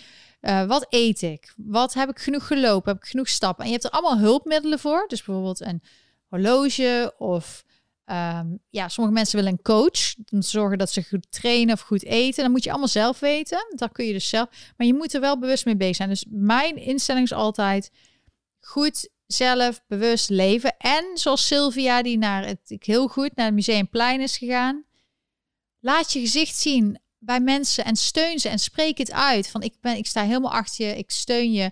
Weet je hoe belangrijk het is? Ook voor mij. Sommige mensen kunnen niet, hebben misschien niet uh, die kunnen misschien niet financieel mensen helpen. Maar weet je hoeveel waarde het al is als je dus een berichtje krijgt van iemand, iemand die tijd, tijd heeft besteed om een e-mail te sturen of een berichtje van ik ben blij met wat je doet en dit is een goed onderwerp, ik wil je helpen. Of um, ik vind het heel fijn dat je dit doet. Ik krijg ook super veel berichten. Ik heb deze week hopelijk iets meer tijd om alle er doorheen te gaan. Maar ik ben echt dankbaar voor elk bericht die mensen krijgen. En vroeg of laat krijg je er een bericht op. Of ik bespreek het hier in de video. Ehm, en ja, het is de tijd. De tijd die je voor mensen besteedt of aan een, een goed doel besteedt, dat is waar wat belangrijk is in je leven. Dus daarmee wil ik het eindigen vandaag. Ik denk dat het echt super leuke livestream was. Vind ik in ieder geval heel veel informatie weer. Ik word elke keer zelf ook heel blij. En uh, ja, als je toch ik zie nog een tweet, dus we gaan nog even niet weg. Want ik zie nog een, dat is hoe je deze stream ook langer laat gaan. Uh, Bart, je komt waarschijnlijk in beeld, maar ik kan hem al voorlezen. Iedereen zou het nummer Mijlpaal van Armand eens moeten luisteren en goed op je laten inwerken. Erg toepasselijk als het gaat om tijd. Is Armand de beroemde Armand van Ik ben, te, ben ik te min? Of is het een andere Armand? die kwam uit Eindhoven. Die hebben we ook nog wel eens zien rijden. Die is uh, pas geleden, of een paar jaar geleden overleden. Maar die, heb ik, die zagen we altijd wel rondrijden in zijn busje. En je wel voor je chat en, en, en voor je tweet, voor je, voor je superchat. En dat is onze Armand. Oh, die is er alweer zes jaar geleden. Oh, de tijd gaat zo snel. Ik dacht echt dat het vorig jaar was. Maar ja, die is dus in 2015 al overleden. Zo zie je maar weer. De tijd gaat gewoon snel. En um, ja, dit is een beetje een volkszanger, toch? In Amerika heb je daar ook een aantal volkszangers die, ja, dat is toch het, eigenlijk het stem van de country music bijvoorbeeld. is ook echt dat, waardoor het heel erg populair is hier. Het stem gewoon van het volk, de gedachten van het volk. Maar is een goede tip, dankjewel. En Dirk heeft het al in de chat gezien, gezet. Was echt, uh, is echt een uh, figuur, was hij. Heel markant. Ja, een man kwam uit Eindhoven. Ik zag hem in Eindhoven rondrijden. Dus uh, ja. De beste protestzanger die we hebben. En mijn zin, of hadden. En ja, maar we moeten dat soort mensen dan gewoon eren. En ik heb ja, alleen dat nummer dan ben ik te min. Ken ik dan. De rest ken ik niet. Maar ik ga zeker naar luisteren. En dan zie ik uh, Kent. Dankjewel voor jouw super chat. Armand was een visionair. En ik leer zelf dus ook dingen. En ik zag hem dus gewoon rondrijden als die markante figuur. En ik dacht dat hij één nummer had gemaakt. Maar ik leer dus nou gewoon dat hij heel veel nummers heeft gemaakt die belangrijk zijn. Um, meer mensen hebben andere zangers. Zijn er op dit moment echt zangers of mensen waarvan je denkt, die verwoorden het goed? Wie zijn de leiders van Nederland op dit moment? Nou, ik denk bijvoorbeeld aan Lange Frans. Die heeft eigenlijk volgens mij al jaren geleden zich uitgesproken met het liedje Kamervragen. Wie heb je nog meer? Zijn er nog echte zangers die echt de problemen van het volk? Of is het allemaal een beetje popmuzic en trance DJ's en zo, zoals Tiesto? Eh, Tom McDonald. Ja, de Amerika, in Amerika heb je Tom McDonald. Die heeft net ook weer eh, een liedje uitgebracht met Eminem, geproduceerd door Eminem. En dat is dus ook een echte, als je wil weten hoe de helft van Amerika denkt over alles, dan moet je eens naar Tom McDonald luisteren. En mijn favoriete nummer kan ik niet echt zo zeggen, want dat is je achterste, het gat van je achterste in het Engels. Dat is gewoon zo'n vrolijk nummer. Ook die video met de pony en roze en zo. En dat nummer, Everybody So Angry. Ik ken de tekst even niet meer zo, maar ik kan hem wel meezingen als hij het aan het zingen is. En uh, hij, hij maakt hem niet uit wat voor kleur je bent, gay or straight. All I care about is that I'm living like I'm not afraid of dying while I'm asleep of zoiets. Maar in ieder geval, het is die tekst is gewoon goed en die video. Maar hij heeft gewoon alles zelf gemaakt. Hè? En hij is nu super populair. Hij verkoopt CD's online. Hij haalt in één keer een miljoen views. Dus uh, het ene nummer vind ik beter dan de andere. Maar het heeft altijd wel met iets te maken in de maatschappij. Hij is een blanke rapper, zit helemaal onder de tatoeages. Hij heeft een vaste vriendin waar hij samen alles mee produceert. En nu heeft hij dus een liedje van, met Eminem gemaakt. Uh, Dear Slim heet hij. Dus um, ja, dat is in Amerika gewoon echt een voice van de nieuwe generatie. Maar die dus populair wordt in popculture, maar niet via de normale manier dat bijvoorbeeld Eminem of andere rappers zijn beroemd geworden. Want hij past gewoon niet in het plaatje. Vind ik helemaal geweldig. Gewoon helemaal jezelf zijn. Daar hou ik van. Dat is gewoon echt top.